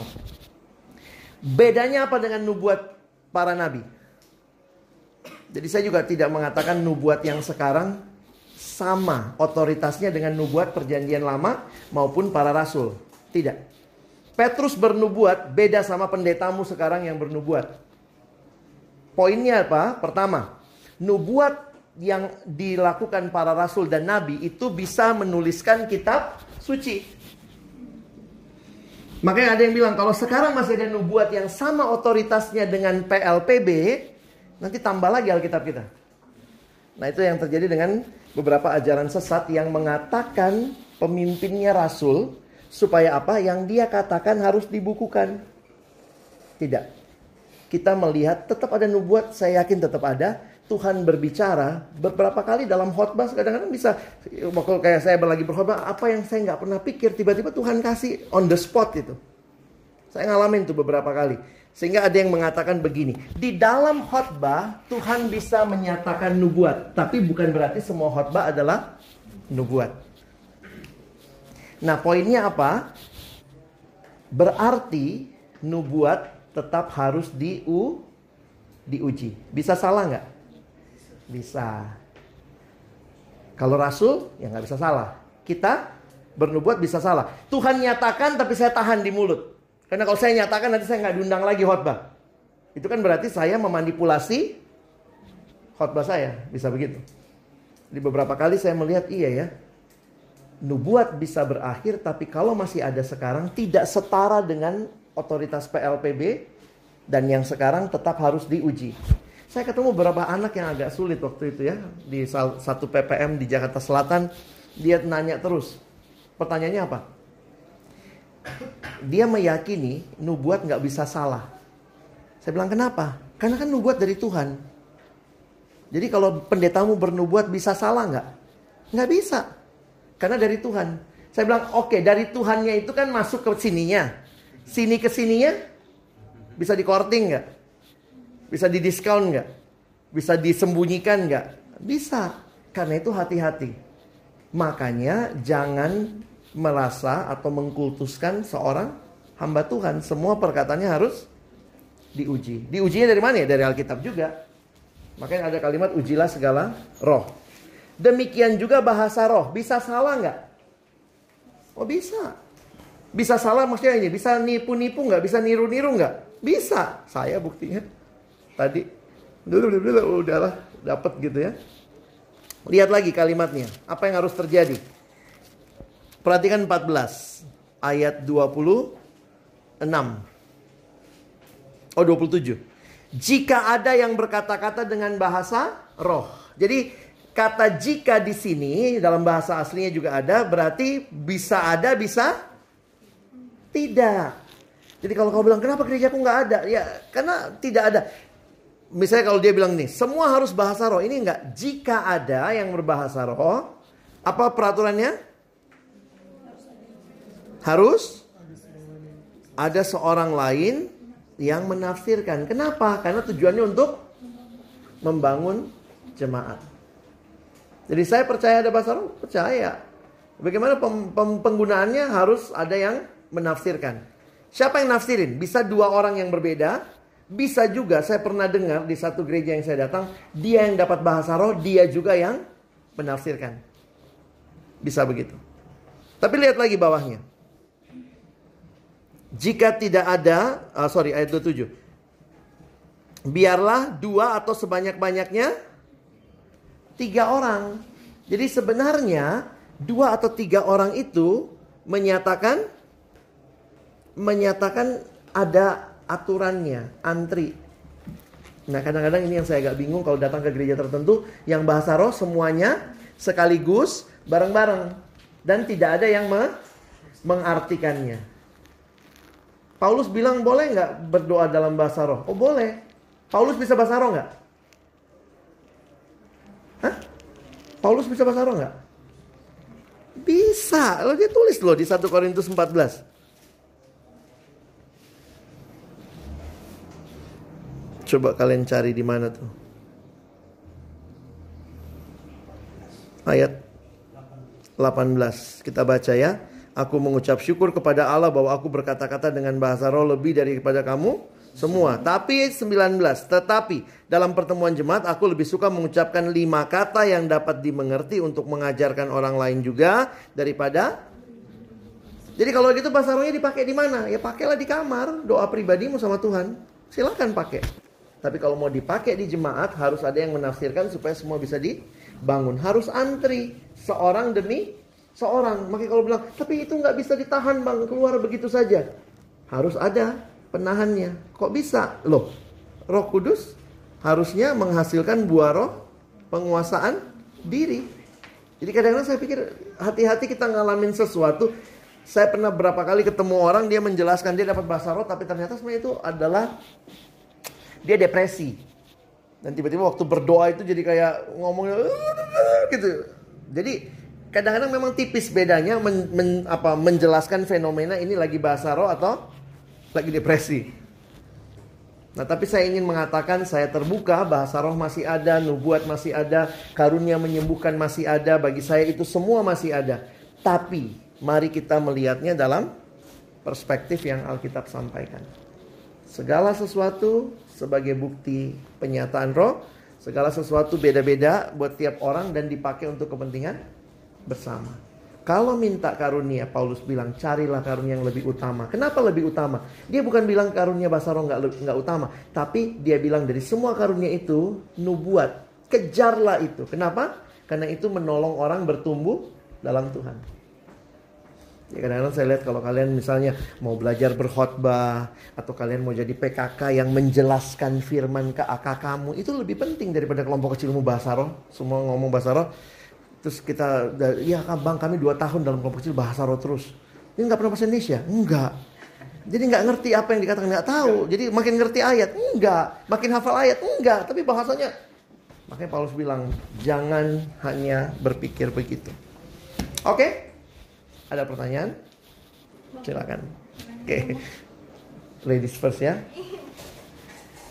Nih, aku kemarin tuh lagi nyar, aku lagi ngomong sama kakakku terus dari itu Hmm. akhirnya kakakku bilang ya emang kayak gitu apa orang-orang yang punya kesamaan akan selalu berkumpul apakah gereja-gereja zaman sekarang juga punya kecenderungan yang sama karunianya akhirnya mereka jadi berkumpul sama-sama yang bahasa roh bahasa roh gitu. Saya bis, saya melihatnya begini kali ya. Em, kalau dibilang kumpul sama sih sebenarnya nggak juga sih ya. Maksudnya coba lihatnya begini. Kalau ini tubuh Kristus,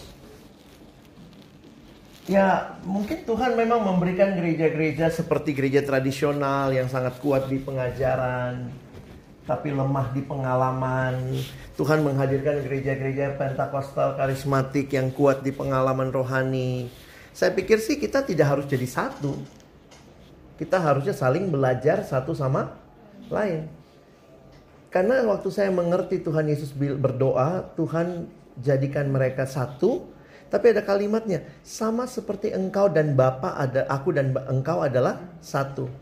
Jadi waktu saya menghayati unity yang Tuhan doakan nampaknya bukan uniformity, bukan keseragaman.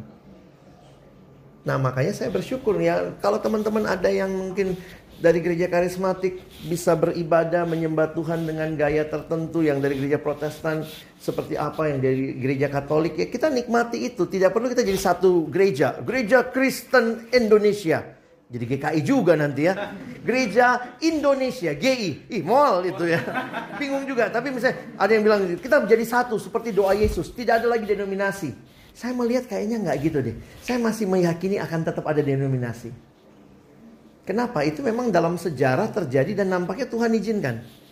Sehingga menjadi satu bukan berarti denominasi ditiadakan kita jadi satu benar-benar semua satu warna. Enggak. Kita akan ada satu dengan keperbedaan tanpa perlu menjadi satu kita berjuang mengupayakan kesatuan. Gereja-gereja Protestan mesti terbuka terhadap karunia roh. Bisa jadi. Gereja Katolik lumayan terbuka, makanya ada sekarang Katolik karismatik. Tapi uniknya mereka tidak keluar dari payungnya Katolik. Jadi kadang-kadang bingung, ini, ini Katolik, doanya masih begini, tapi nyanyinya sama. Hal sorak lah, haleluya, oh itu Katolik karismatik. Kenapa pakai karismatik? Karena mereka menekankan adanya karisma-karismata itu. Itu kali ya. Aku mau nanya, yang tadi kan aku bilang yang karunia itu kan berarti dia tuh Allah yang ngasih. Hmm. Tapi uh, yang usahakanlah diri memperoleh itu maksudnya mengusahakan itu apa sih bang? Hmm. Terus yang kedua ini terkait Roh Kudus. Uh, aku pernah dengar kita itu bisa berdoa dalam nama Roh Kudus. Nah bedanya dan kita, saya bedanya kita berdoa dalam nama Yesus dan Roh Kudus itu apa? Hmm. Terus yang ketiga itu uh, ini bang, kenapa di perjanjian lama dia itu uh, Roh Kudus itu masuk dan baru keluar terus maksudnya apakah hmm. itu berkaitan dengan cara kerjanya Allah di perjanjian lama dia harus tarik keluar atau hmm. kayak kerjaan baru kan terus aja mengenai yang terakhir dulu ya karena itu yang lebih diingat itu yang saya bahas minggu lalu di dalam perjanjian lama Roh Kudus diberikan untuk tugas tertentu sehingga ketika tugasnya selesai dia pergi dia ninggalin orang itu nah di dalam perjanjian baru sesuai dengan janji Yesus aku akan mengutus penolong yang lain yang akan menyertai kamu selama-lamanya karena itu Roh Kudus sekarang tidak keluar masuk ya Jangan merasa kalau lagi bikin dosa kayaknya roh kudusnya keluar, kapan-kapan kita undang lagi dia masuk. Tetapi yang kamu lakukan sebenarnya waktu melakukan dosa kamu sedang mendukakan roh kudus. Kenapa? Karena roh kudus itu diberikan menjadi jaminan bagian kita, kata Efesus, sampai kamu mendapatkan semuanya. Berarti itu satu jaminan Makanya kekristenan saya pikir kalau ngerti doktrin Roh Kudus kita memahami sekali selamat tetap selamat karena Roh Kudus mulai dari awal sampai akhir. Keselamatan itu pasti tapi kita yang sering kali merasa nggak pasti. Berarti masalahnya bukan di keselamatannya, di roh kudusnya, tapi di kitanya. Makanya kita bicara kepastian keselamatan kan, di dalam bahan-bahan pipa kita ditegaskan. Siapa yang dalam Kristus, dia adalah ciptaan baru. Berarti kamu sudah diciptakan baru. Kita keselamatannya nggak insya Allah. Insya Yesus. kita pasti dalam Tuhan. Oke, jadi itu penjelasan yang pertama ya. Di perjanjian baru memang roh kudus diberikan tinggal dan tidak meninggalkan kita selama-lamanya. Makanya ada yang mengatakan begini, Yesus perlu naik ke surga. Kita baru rayakan kenaikan Yesus ke surga kan? Kenapa? Karena dengan dia naik ke surga membuktikan, menegaskan Immanuel itu benar. Yesus lahir, dia disebut Immanuel. Di akhir Injil Matius dia bilang, aku akan menyertai kamu senantiasa sampai akhir zaman. Tapi dia adanya di mana? Palestina doang. Jadi dia harus naik ke surga. Karena waktu dia naik ke surga roh kudus turun. Sehingga ke mana pun para rasul pergi roh kudus itu diam di dalam diri mereka. Makanya Paulus bisa berteologi tubuhmu itu bait roh kudus. Jangan mendukakan roh kudus Allah yang ada dalam dirimu. Yang kedua jadi lupa deh. Yang pertama tadi, yang kedua, yang pertama tadi apa? Oke, okay. mengusahakan itu makanya saya bilang mesti baca konteksnya. Setelah dia bilang bahwa semua dapat gitu ya, saya melihat mungkin karena itu sangat umum. Karunia bernubuat ini, karunia berbahasa atau menjelaskan firman yang umum didapatkan. Jadi mungkin aja dia mengatakan ya usahakan ya itu. Kalau kamu punya itu ya usahakan itu. Bukan berarti kita mengusahakan supaya kita dapat sesuatu, bukan sih. Kalau saya lihat konteks atas bawahnya sih enggak. Yang kedua? yang berdoa dalam nama Oke, sebenarnya bukan berdoa dalam nama Roh Kudus. Kita mesti mengerti begini. Di dalam Allah Tritunggal kita percaya satu Allah, tiga pribadi. Karena itu Bapak Gereja hanya bisa nggak ada hapus-hapusan kah? Apa? Tisu-tisuan gitu. Pakai baju Juna aja. Ih, itu ini itu bahasa deh. Ini lah ya. Bapak, anak, roh. Perhatikan di dalam kekristenan Bapak gereja kira-kira abad kelima hanya sanggup menyimpulkan begini. Bapak bukan anak. Jadi kita tidak mengatur kalau kita belajar alat Tritunggal Bapak sama anak beda. Anak bukan roh. Roh bukan Bapak. Itu jelas. Ini tiga pribadi yang berbeda. Jadi waktu Yesus datang ke surga, kalau kita berpikir Tritunggal itu kayak ganti baju, pagi-pagi di rumah dia bapak, siang di kantor dia uh, bos, malam kepala, ketua RT. Poinnya adalahkah ini menjelaskan Tritunggal? Tidak. Itu ajaran sesat ya. Jangan jelaskan Tritunggal itu ajaran sesat dari abad kedua. Namanya Sabelius. Jadi Sabelius mengatakan dia punya satu body pakai tiga baju. Jadi sebenarnya itu tidak menjelaskan tiga pribadinya. Maka dikatakan itu adalah ajaran sesat, Sabelianisme. Karena berarti begini, kalau Yesus datang ke dunia, surga kosong dong. Kan dia cuma ganti baju ke dunia. Kasarnya, waktu Yesus datang ke dunia, ada Bapak nggak di surga? Ada, karena kan dia pribadi yang beda. Makanya kita di dalam teologi ya, dalam kekristenan, kita pun diajar untuk menyebutkan. Jadi jangan ngomong, iya Bapak yang mati di kayu salib. Kita bilangnya begitu nggak? Ya roh kudus yang mati di kayu salib. Nggak bisa. Penghayatan kita yang mati adalah Yesus. Loh, katamu Allahmu satu. Kok yang mati Yesus? Terus yang ini Bapak, nah itu kadang-kadang memang sulit. Kapan-kapan kita bahas roh kudus lah ya. Tapi Bapak itu Allah, Bapak adalah Allah, anak adalah Allah, Roh Kudus adalah Allah. Jadi berapa Allah? Satu. Bapak gereja cuma sanggup menyimpulkan sampai situ. Nah, sehingga di dalam kesimpulan ini, karena tiga-tiganya adalah pribadi Allah, boleh nggak berdoa kepada Bapa? Boleh. Boleh nggak berdoa kepada Yesus? Boleh. Boleh nggak doa sama Roh Kudus? Boleh. Nah, di dalam Alkitab, Yesus atau di dalam Alkitab kita diajarkan berdoa dalam nama Yesus. Sebenarnya mau menyatakan begini. Waktu kita berdoa kepada Bapa, kita datang di dalam nama Yesus. Tidak pernah ada diajarkan sebenarnya di dalam nama Roh Kudus. Karena penghayatan kita di dalam kita ada dalam Kristus, kita datang di dalam nama Tuhan Yesus. Jadi sebenarnya kita meminta dengan dasar relasinya Yesus sama Bapa, bukan relasi kita. Kita kan nama Tuhan memberontak dosa. Tapi waktu kita diselamatkan oleh Kristus, dia dalam kita, kita dalam dia, maka kita datang di dalam nama Yesus. Jadi kita meyakini itu. Sehingga pertanyaannya, ini ini jangan jadi magic formula. Kadang-kadang kita pikir dalam nama Yesus tuh selalu mesti ada di akhir doa. Makanya masih ingat nggak ditanya di MHB, apakah setiap doa harus diakhiri dalam nama Yesus? Kalau kamu doanya kepada Yesus, perlu nggak dalam nama Yesus? Sebenarnya nggak perlu. Kalau kamu doa kepada Roh Kudus, perlu nggak dalam nama Yesus? Enggak sih. Memang itu penghayatan kita waktu datang kepada Bapa di dalam nama Yesus. Tapi kenapa nggak di dalam nama Roh Kudus? Karena sebenarnya penghayatannya kita sudah melakukannya itu menikmatinya di dalam Roh. Boleh nggak doa sama Roh Kudus? Boleh. Tidak semua doa harus dalam nama Yesus? Enggak. Jangan pikir itu magic words untuk minta yang kita mau. Makanya saya lebih menghargai ya, saya katakan jujur, saya lebih menghargai gereja-gereja yang doanya ditulis daripada yang terlalu spontan. Kadang-kadang terlalu spontan kita sendiri confused dengan Tritunggal. Saya dengar tuh ada ya pengurus-pengurus kampus lah ya. Ya Bapak kami datang padamu Yesus kami bersyukur roh kudus. Lu lagi ngomong sama siapa? Loh Tuhan dengar nggak? Ya pasti dengar sih. Tapi makin kamu bertumbuh kamu mesti ngerti. Termasuk yang doa selamat pagi, selamat siang, selamat malam tuh nggak ada dalam tradisi Kristen, dalam tradisi Alkitab. Kenapa? Karena Allah tidak dibatasi waktu. Selamat malam Tuhan, terus dia balas malam, lari kau. Makanya lihat di Alkitab nggak ada tuh berdoalah seperti ini. Sekarang kan kayak so akrab tapi sebenarnya nggak teologis sih, nggak tepat. Selamat malam, selamat pagi, selamat siang. Terus misalnya itu ya. Makanya di dalam gereja tradisional biasanya doa ditulis. Kalau yes, eh, kalau Bapak itu kaitannya sama apa? Mencipta ya. Ya Bapa pencipta alam semesta.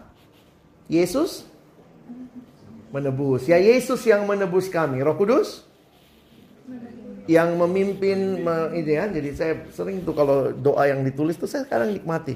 Ya Bapa yang menciptakan segala sesuatu, ya Yesus yang menebus, ya Roh Kudus yang menghibur dan menyertai.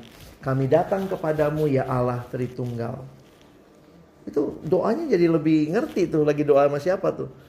Itu kenapa kita perlu ya, kita bisa doakan sama siapa aja. Saya pikir karena Tuhan sendiri meminta atau pernah jadi manusia dan pengalaman jadi manusia kalau misalnya kita minta sesuatu yang agak spektakuler itu kan biasanya kita mintanya sama Bapak ya.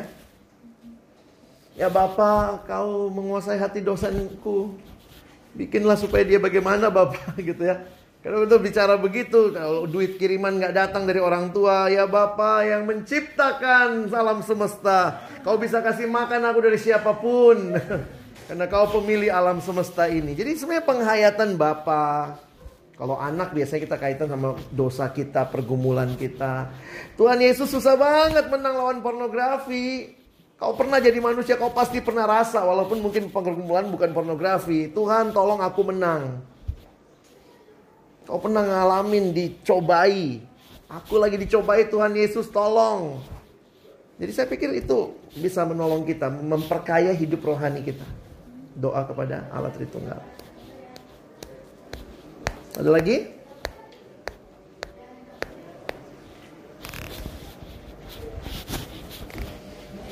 Saya yakin lah ya kalau kalian bilang ibang kalau begitu doaku Tuhan nggak dengar Tuhan dengar. Cuma kamu mesti bertumbuh. Salah satu yang muridnya minta sama Yesus apa? Tuhan ajarlah kami berdoa. Kita kayak jarang ya training doa ya. Siapa yang pernah bikin training doa? Karena kita rasanya udah biasa semua. Kalau doa kita tuh bisa itu ya. Ya Yesus kami datang padamu Bapa. Hah? Yesus, Bapa. Ini ada lagi orang yang doanya memang Tuhan jadi koma gitu ya. Makanya belajar berdoa. Kami datang Tuhan hari ini Tuhan, kami semua Tuhan bersama Tuhan, padamu Tuhan. Tuhan tuh cuma jadi koma, disebut banyak pun nggak ada maknanya buat kita.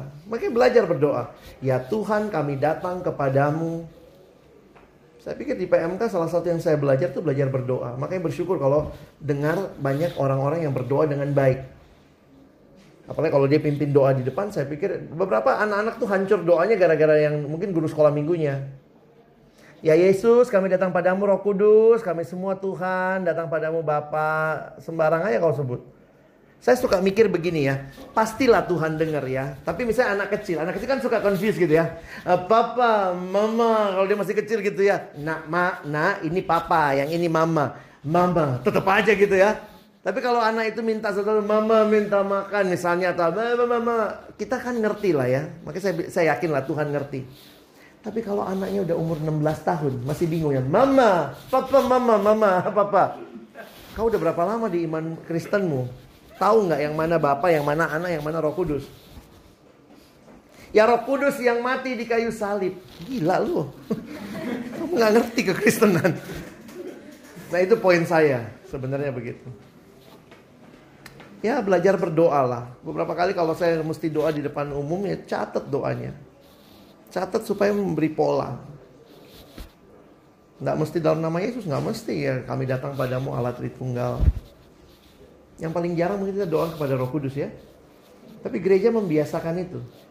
Yang disebut dengan doa epiklese. Sebelum baca firman, gereja sebenarnya memberikan teladan tuh doanya sama Roh Kudus. Ya Roh Kudus yang mewahyukan firman, berbicaralah melalui firmanmu. Sebenarnya kalau kita datang ke gereja, apalagi kalau kalian gereja tradisional, ikutin semua liturginya. Jangan bilang itu bosen, ah doa aja dibaca. Daripada kamu spontan salah.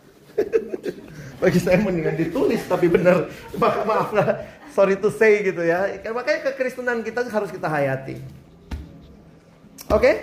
Kita mesti selesai dulu ya. Saya harap teman-teman makin bertumbuh. Apa yang kita pelajari makin menolong kalian. Mari kita berdoa. Tuhan terima kasih, biarlah apa yang kami pelajari sekali lagi meneguhkan kami untuk kami hidup di dalam Tuhan. Sekali lagi kami bersyukur, kami boleh mengenal pribadi Roh Kudus. Dan hari ini kami berdoa, biarlah kami semua semakin ditolong menikmati kehadiran Roh Kudus di dalam hidup kami yang memimpin, mengarahkan kami. Jangan biarkan kami terus-menerus melawan. Kami mau belajar taat berserah kepadamu. Bersyukur dalam nama Yesus kami berdoa. Amin.